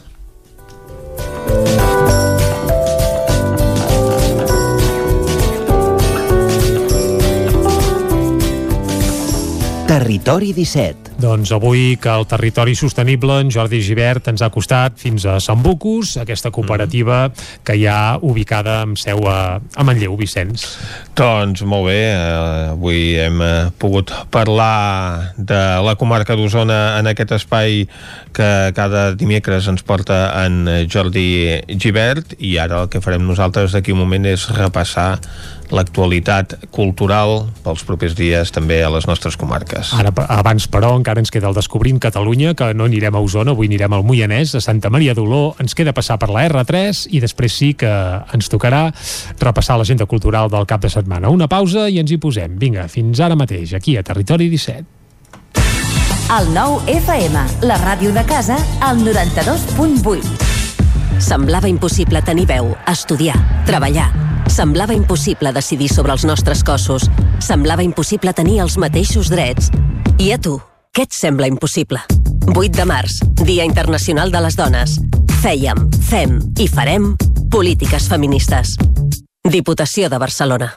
El restaurant El racó de León no s'oblida dels seus clients en aquests temps difícils i us ofereix els vostres plats preferits per emportar. Reserves al telèfon 93 889 1950. Obrim amb el 30% d'aforament. Disposem de menjador i terrassa amb totes les mesures de seguretat. Cocodril Club. Si t'agrada la bona música dels anys 60, 70 i 80, escolta el 9 FM als matins de dissabtes i diumenges d'11 a 1. És el temps del Cocodril Club, tot un clàssic de la ràdio, amb les bases del pop-rock, les llegendes, les cançons que s'han convertit en autèntics himnes. Recorda, dissabtes i diumenges al matí, d'11 a 1, al 9 FM 92.8. Cocodril Club, el programa revival de l'Albert Malla. Hasta luego, cocodrilo. Anuncia't al 9FM. La ràdio de casa. 9 3 8 8 9 4 9 4 9. Publicitat arroba al 9FM.cat. Anuncia't al 9FM. La publicitat més eficaç. Els dies 25 i 26 de març se celebren les eleccions agràries. Les votacions seran únicament pel sistema de votació electrònica. Pots votar remotament amb l'IDCAT certificat, el DNI electrònic, altres certificats reconeguts o amb el sistema de reconeixement biomètric. També pots votar de manera presencial amb el DNI des de qualsevol dels punts d'assistència al vot electrònic. Tots els punts comptaran amb les mesures sanitàries necessàries per garantir la teva salut i la de tothom. Més informació a agricultura.gencat.cat. Generalitat de Catalunya. A Montse Estètic Vic celebrem dos anys. Tant si ets client nostre com si ens acabes de conèixer, gaudiràs de descomptes i promocions tot el mes de març. Aconsegueix un 2 per 1 en la depilació làser al portar un amic o amiga i enamora't gratuïtament de la presoteràpia mentre et fem un tractament facial. Cuida't més que mai. Ara amb el 20% de descompte en tots els productes. Vine a Montse Estètic i mima't. Ens trobaràs a l'Avinguda Pius 12, número 26 de Vic. Al telèfon 672 1704 23 i a la web montsestètic.com. Hi ha sensacions que són úniques. Aquell bany relaxant, mirar per la finestra quan plou i com les calderes Bailand, que li ofereixen fins a 15 anys de cobertura total amb el servei tècnic oficial Bailand. Informis a Oficiat Nord trucant al 93 886 0040. Amb el servei tècnic oficial de Bailand, la seva caldera estarà en les millors mans. El 9 FM. El 9 FM. El 9 FM.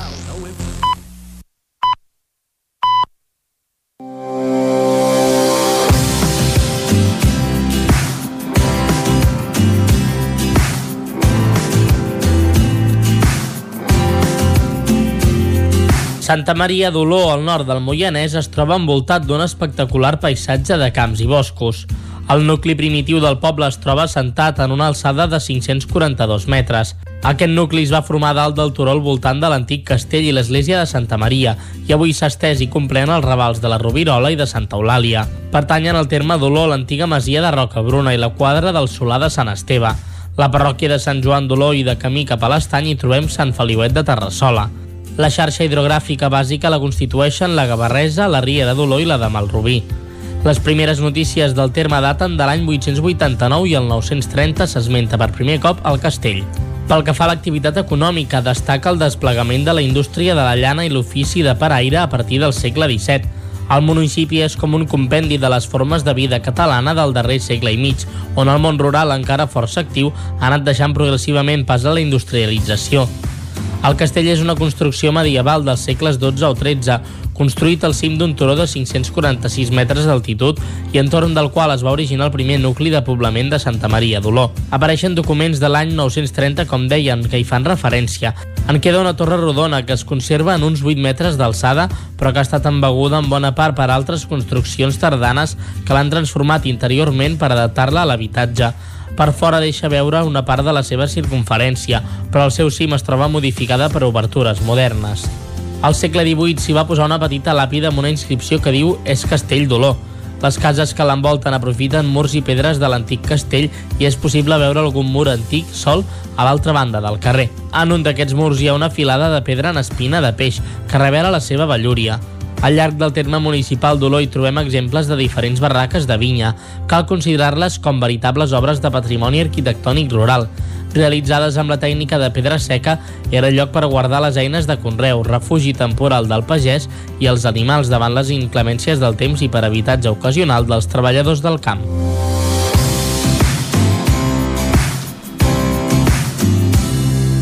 Territori 17 doncs Santa Maria d'Oló, aquest municipi situat al peu de l'eix transversal, per cert, per tant ara, Ara estan molt comunicats, sí, ara sí. comunicats ho estan molt, abans estaven molt aïllats i penjats i costava arribar-hi, eh? I tant.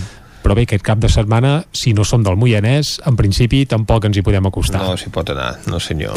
Uh, on tampoc es podrà anar és a gaudir dels actes culturals que no siguin a la nostra comarca. Això ho sabrem d'aquí un parell de minuts, abans per això hem d'anar a la R3. Anem-hi? A veure que s'hi cou. Doncs cap a la R3, vinga. A Trenc d'Alba, edició pandèmia. Ara sense els usuaris que ens explicaven les seves desgràcies a la R3, però amb els mateixos retards i problemes de sempre. Benvinguts a Tren d'Alba. Doncs avui us explicaré algunes de les millores previstes a l'R3. No, és broma, no us explicaré jo. Ho farà l'alcalde de Ripoll, Jordi Monell, que està a la comissió tècnica del desdoblament de l'R3. Els seus discursos són llegendaris i a vegades més llarg d'allò que s'espera. Però en 3 minuts va poder resumir totes les actuacions, que no és que siguin poques. Aquí el teniu. totes les inversions també que s'estan executant a, la, a la R3. Eh? En aquest cas forma part del Pla de Rodalies 2020-2030, la primera fase 2020-2025, i estan fent des de eh, eliminar passos a nivells que alguns ja els van fer l'any passat i els que estan fent aquest any, fins a posar tots els senyals i, i l'electrònica que controlarà la circulació de trens i també un projecte també de bueno, és això, la duplicació del tram entre Parets del Vallès i la Garriga. Tot, aquest, tot això és el que s'està executant en aquests moments. Eh? Això vol dir que hi ha tots uns treballs previs d'eliminació de passos a nivell, d'allargament d'andanes d'estació, de tots els controls i encreuaments i canvis de, de, de, canvis de vies, tota l'electrònica que regula això i, finalment, hi haurà el que és la, duplicat, la duplicació de la via. Això està previst que comenci aquest estiu que ve, en aquest tram de Parets de Vallès la Garriga, i per tant voldrà dir que durant dos anys tindrem gairebé afectacions en aquest tram. Eh? S'haurà de fer transbordo, aquí ens ho marquen. Eh? El, aquest any 2020 seria l'any 3 i l'any ai, 2021 seria l'any 3 i el 2022 seria l'any 4. Eh? Per tant, tindrem un, tram, un tram de l'R3 en què s'haurà de fer transbordament perquè estaran desdoblant la via. Eh? Tot això s'hi afegeix eh, 50 milions d'inversió que em penso que ja vaig, ja vaig explicar l'últim dia, si no recordo malament, que anirien a la part nord, per tant, de, des de Vic cap en amunt fins a Puigcerdà, per, per arreglar trinxeres, arreglar eh, boques i entrades de ponts, eh, reduir riscos de que caiguin arbres, eh? això a més a més de la inversió que s'està fent al túnel de Toses, i, i bueno, i, en total diu que entre la Molina i Puigcerdà doncs hi ha uns 11 lots de contractació diferent de millores en aquest sentit per, per garantir de seguretat. Eh? I per tant, això seria una mica... I després aquesta, aquesta que sortia al principi de tot és un quilòmetre i mig més de desdoblament que aniria al sud de Vic, eh? de Vic fins al barri del Remei pràcticament, que en aquest cas, encara que sigui només un quilòmetre i mig, és important perquè així el tren que arriba al moment que s'encarrila amb el tram desdoblat ja li permet amb el tren que està parat a l'estació sortir. Això diuen que pot, ser, fer, pot fer guanyar uns 5 minuts per comboi de trajecte a Ripoll-Barcelona o Barcelona-Ripoll. Eh? Per tant, això també és una proposta que en aquests moments ja tenen, ja tenen és, aquest, és el que està al principi de tot, aquesta d'aquí. Això seria la sortida de l'estació de Vic en direcció avall i això doncs, ho estan també en aquests moments eh, executant el projecte per licitar-lo. Eh? És una cosa que han incorporat aquest any i que permetria, com dèiem, guanyar uns 5 minuts per comboi a la sortida de Vic, tinguent en compte que tota l'estructura de murs i això ja ho tenen fet i, per tant, l'únic que han de fer pràcticament és posar la via eh, i els controls electrònics i tot això. Jo em quedo amb això que ha dit al final, dels 5 minuts que s'estalviarà cada comboi, que no és un gran què, però que ja és alguna cosa. En tot cas, l'objectiu hauria de ser en retallar entre 30 i 45 minuts, però això ho deixem pel pròxim segle. Va, ens retrobem demà amb més històries del tren i de l'R3. Territori 17. I de la R3 anem ara sí a repassar què passarà culturalment parlant al cap de setmana a les comarques, això, del territori 17.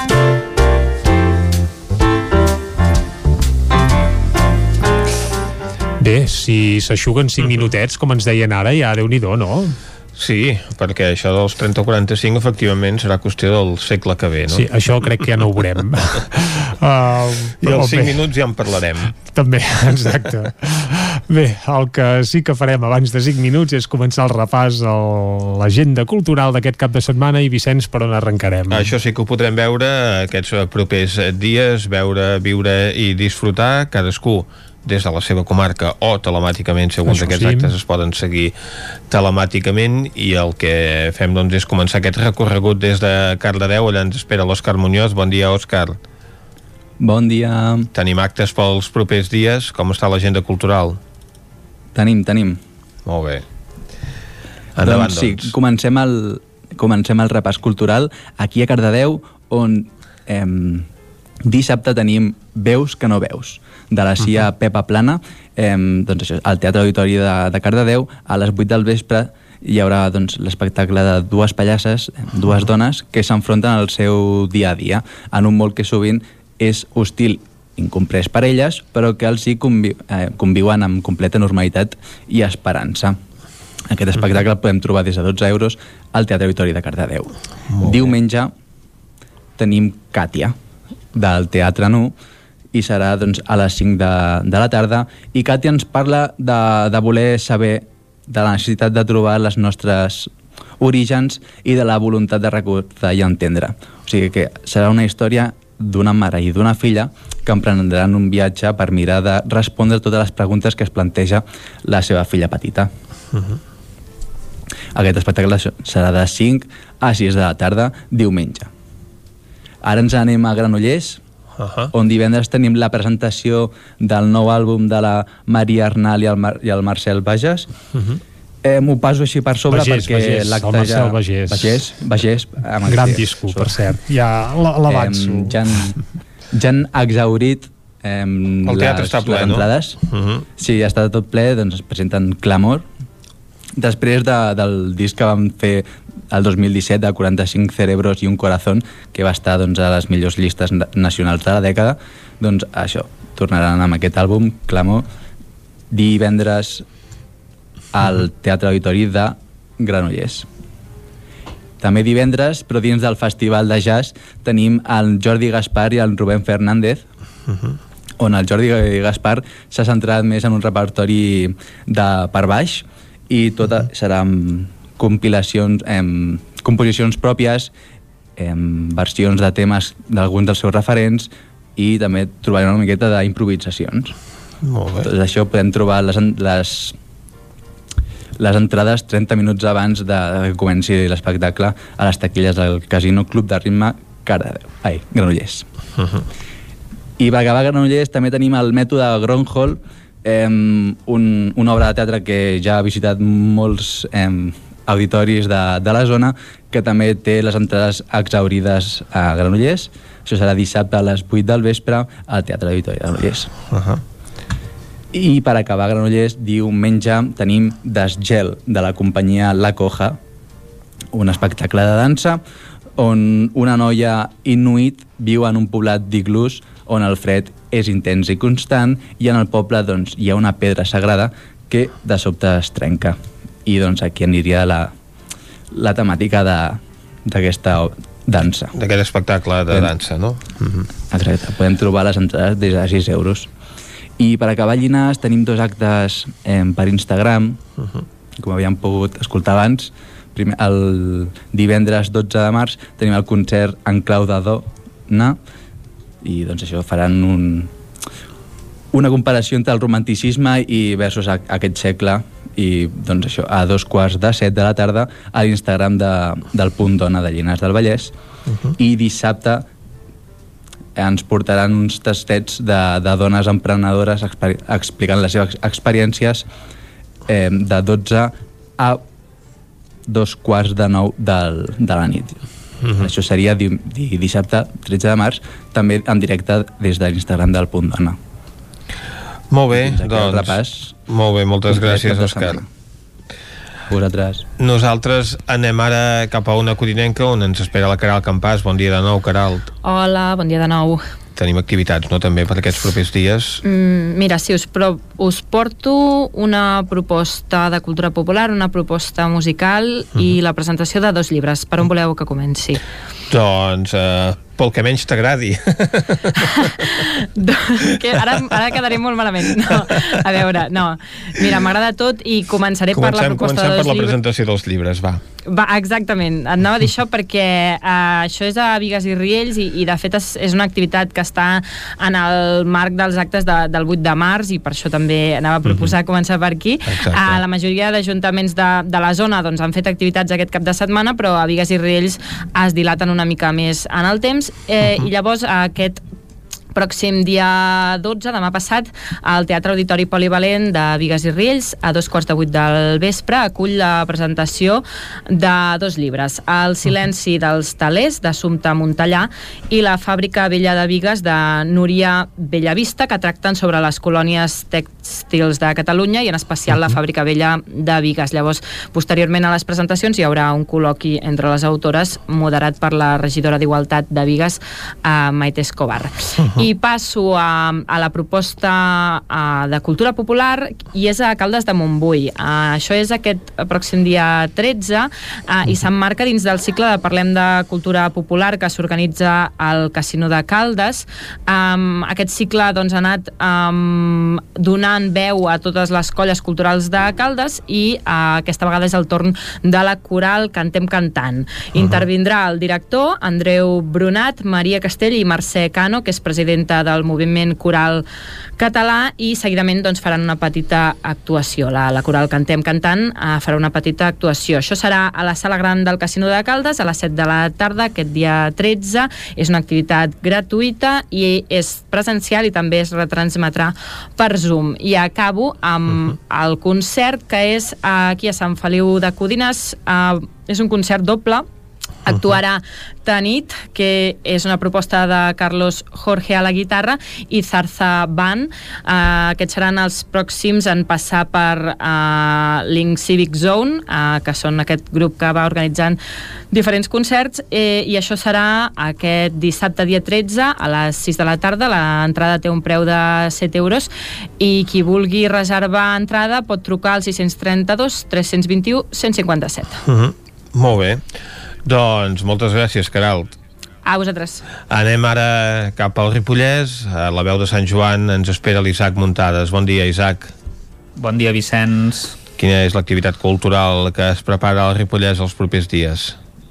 Doncs mira, sobretot eh, la tenim a, Ripoll aquest cap de setmana, perquè uh -huh. si la setmana passada es concentrava molt aquí a Sant Joan amb el tema del McLari i també de l'exposició eh, que reivindicava les dones, doncs eh, tenim dues activitats a Ripoll, totes dues al Teatre Comtal. Uh -huh. Si us sembla, comencem per aquest divendres, a dos quarts de nou del vespre, hi haurà una funció, uh -huh. eh, una més del cicle teatre de prop íntims, que du per uh -huh. títol eh, Made in Ilva, l'ermità contemporani que és de la companyia italiana Instabili Vagant, Santi uh -huh. i aquesta obra parla d'Ilva, que és una, la acereria més gran d'Europa, que doncs, ve a ser com una espècie de somni de prosperitat i de treball per a tota aquesta comunitat i aquest espectacle doncs, el resultat d'un intens treball físic d'experimentació entre veu i moviments orgànics i inorgànics. De, de fet, ve ser una crítica a l'actual sistema de producció alienant i el seu impacte en el medi ambient i, i la població. El guió original hem de dir que està basat en poemes i testimonis de treballadors de la fàbrica d'Ilva a Taranto, a, a Itàlia, uh -huh. i per poder-hi entrar doncs, eh, costarà 7 euros per tothom qui, qui vulgui anar-hi, sempre respectant doncs, evidentment l'aforament i aquests eh, eh, cicle de teatre íntims que recordem que sempre és per menys gent de l'habitual i l'espectacle té una durada d'aproximadament una horeta, més o menys. Uh -huh. uh, i després d'això no ens movem de Ripoll perquè aquest diumenge a les 5 de la tarda també al Teatre Comtal hi haurà el concert de sardanes amb la copla principal de Llobregat uh -huh. que en aquest cas eh, costa 10 euros i que servirà com a reconeixement a Lluís Rifà i Casanova que recordem que aquest Ripollès, doncs, per desgràcia, va morir el passat 23 de març de, del 2020, uh -huh. eh, víctima de, de la Covid-19 i que de l'any 1973 fins al 78 va formar part doncs, de la Junta de l'agrupació sardanista de Ripoll i fins a la seva mort doncs, va ser soci, tant ell com tota la seva família i de fet la seva filla Dolors de ben petita va formar part també de la colla sardanista entre dos rius. I sempre doncs, en en Lluís Rifà i Casanova se'l recordarà perquè en els aplecs del Passeig Regull sempre estava davant de les coples recordant doncs, amb atenció uh, les seves interpretacions i, i mirant que la, la megafonia anés a la perfecció, per tant doncs això serà un bon homenatge que, que li faran, que si no recordo malament ja se li... Uh, se li havia d'haver fet a, a l'estiu o no recordo si el mes de setembre el que passa és que es va anul·lar perquè hi va haver-hi també doncs, aquells confinaments que, que es va prohibir doncs, fer tot aquest tipus d'activitats uh, culturals. Uh -huh. per tant ara en principi esperem que, que es pugui fer. Exacte, I... segur que sí. aquest diumenge doncs, se li podrà retre aquest homenatge en el marc d'aquest concert de la principal del Llobregat. Exacte, i per acabar en, ens movem a, a Can de Bànol per parlar del cicle de cinema dels drets de les dones. Ja en vam parlar l'altre dia, que es fa durant tot aquest mes de març, per tant cada setmana doncs, us, us explicaré a, l'agenda cultural doncs, la, la pel·lícula que toca i el pròxim dilluns a, a les 7 de la tarda, que és el dia i l'hora que sempre està programat uh, per fer aquesta activitat, doncs tindrem la pel·lícula Joana Viernes, una entre totes. Uh, la Joana Viernes, per qui no ho sàpiga, és una fotoperiodista catalana pionera que va obrir el camí a altres dones per la seva professió i, i bé, és una de les més importants doncs, del segle uh, eh, 21 ah, perdó, del, del, del segle, del segle 20, 20 del segle XX, ara m'he pas, passat aquí de, de passat, la ratlla. T'has passat de segle, eh? M'he passat de segle, és com l'R3. És, és molt relatiu, això, exacte, sí, sí. que el que vols exacte és que d'un dia per l'altre ja es pugui sí. retallar 30 o 45 minuts el viatge en tren. Eh, exacte, demano molt uh, en aquest cas, uh, no demanant gaire per entrar perquè l'entrada és gratuïta uh, en aquesta pel·lícula i, i, està, i està bastant bé, que és una fotògrafa que recordem va immortalitzar doncs, les terribles inundacions que hi va haver-hi al Vallès precisament el, el 1962 i també buscant una mica era, ella va ser fotògrafa de Rafael, el cantant Rafael també es veu que va escollir el vestit de Maciel per Eurovisió, es va colar en una suite dels Beatles, també va tenir algun afer amb Roman Polanski d'alguna manera, per tant, doncs eh, realment era una fotoperiodista important, amiga de, de personalitats com Joan Manel Serrat, la duquesa de Alba o, o el torero El Cordobés o Lola Flores o, o Salvador Dalí fins i tot. Vull dir que déu-n'hi-do l'obra d'aquesta fotoperiodista i realment valdrà la pena veure uh, aquesta pel·lícula en aquest cicle de cinema de, dels drets de les dones a, a Can Davano. Exacte, tot això ho repassarem en aquest uh, documental. Moltes gràcies, Isaac. A vosaltres. Ara nosaltres anem a repassar què és el que s'esperen els propers dies en els uh, teatres i centres culturals de la comarca d'Osona. Jordi Vilarrodà, bon dia. Hola, molt bon dia. Doncs Tot anem, l'estat apaït, no? Això? Anem a fer ara una mica de repàs del que, uh -huh. del que tenim aquests dies. Sobretot aquest cap de setmana que tornem a tenir força coses eh, dintre de l'agenda i alguna de destacada. Potser uh -huh. no tantes com la setmana passada, però si més no en tenim una que val molt la pena de remarcar aquesta setmana i és l'actuació que farà a l'Atlàntida de Vic el pianista Grigori Sokolov uh -huh. eh, que la farà doncs, el dissabte a les 8 del vespre en el concert del cicle eh, de grans concerts aquest cicle que de fet ja s'havia d'haver completat la tardor passada i per les raons que tots coneixem doncs es van haver d'ajornar dues actuacions una d'elles uh -huh és el d'aquest pianista que eh, sempre hi ha aquella cosa de dir si és el millor del món, dels cinc millors, en tot cas eh, tothom diria i tothom coincidiria que Grigori Sokolov està considerat un dels cinc millors pianistes del món en aquests moments eh, i, i ell arriba doncs aquí a l'Atlàntida en un concert que és eh, realment extraordinari és d'aquestes ocasions en què qualsevol eh, amant de la música no se l'ha de deixar perdre perquè hi ha poques oportunitats de veure gent com ell a l'escenari i sobretot tan a prop no? Uh -huh. eh, Grigori Sokolov és un pianista rus, va néixer a Sant Petersburg i està, a veure, ell se'l valora sobretot per la, la, la manera que té de, de tocar que, que a vegades doncs, que, que és, per ell és com una experiència que va més enllà del fet de ser una interpretació eh, eh, perfecta eh, rigorosa, ben feta, etc etc.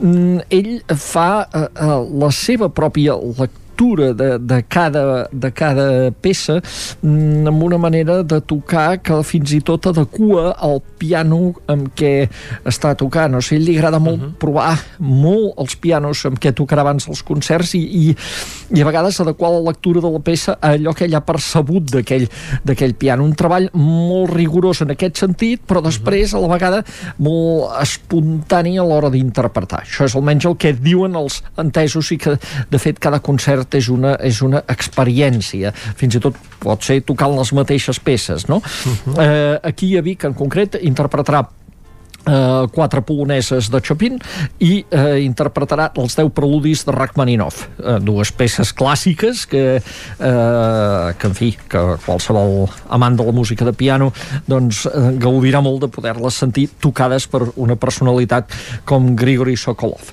Eh, aquesta és una de les propostes doncs, que tenim per aquest dissabte eh, que, que val la pena anotar.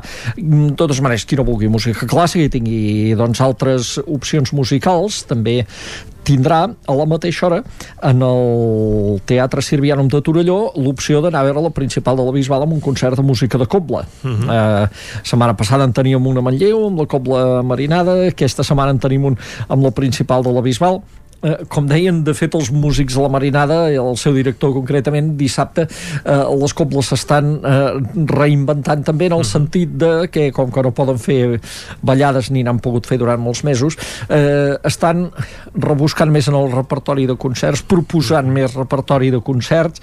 És a dir fent una, una, alta, una tasca, diguem, més, més, més en aquest sentit encarada a la música de coble, en general, com a música de coble, que no només, només a la sardana, no?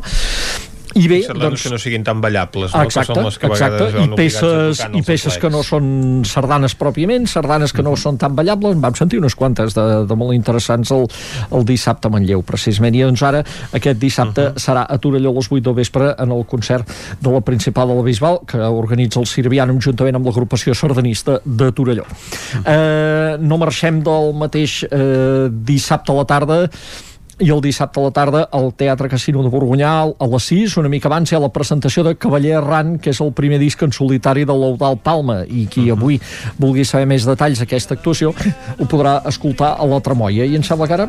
I també ho pot escoltar al Territori sí, 17 sí. De fons, Estrany a la deriva que és precisament el primer single del que serà el nou disc, el primer disc, vaja, de l'Eudal Palma com a cantautor en solitari uh -huh. I si les plomes pesen però sobre un cel obert per tu. Bé, un aire així desenfadat, rumbero, uh, positivista, amb una trompeta. Això ens recorda el Guillem Remisa, sí. en aquest sentit. Una mica. Uh, sí, però hi ha una mica de tot en aquest disc, eh? També hi ha rock and roll, és, és molt variat pel que fa a gèneres. Demà en descobrirem alguna peça aquí a Territori 17. Va, Va. ens ho posem de deures. Ah, exacte. Va. Perfecte.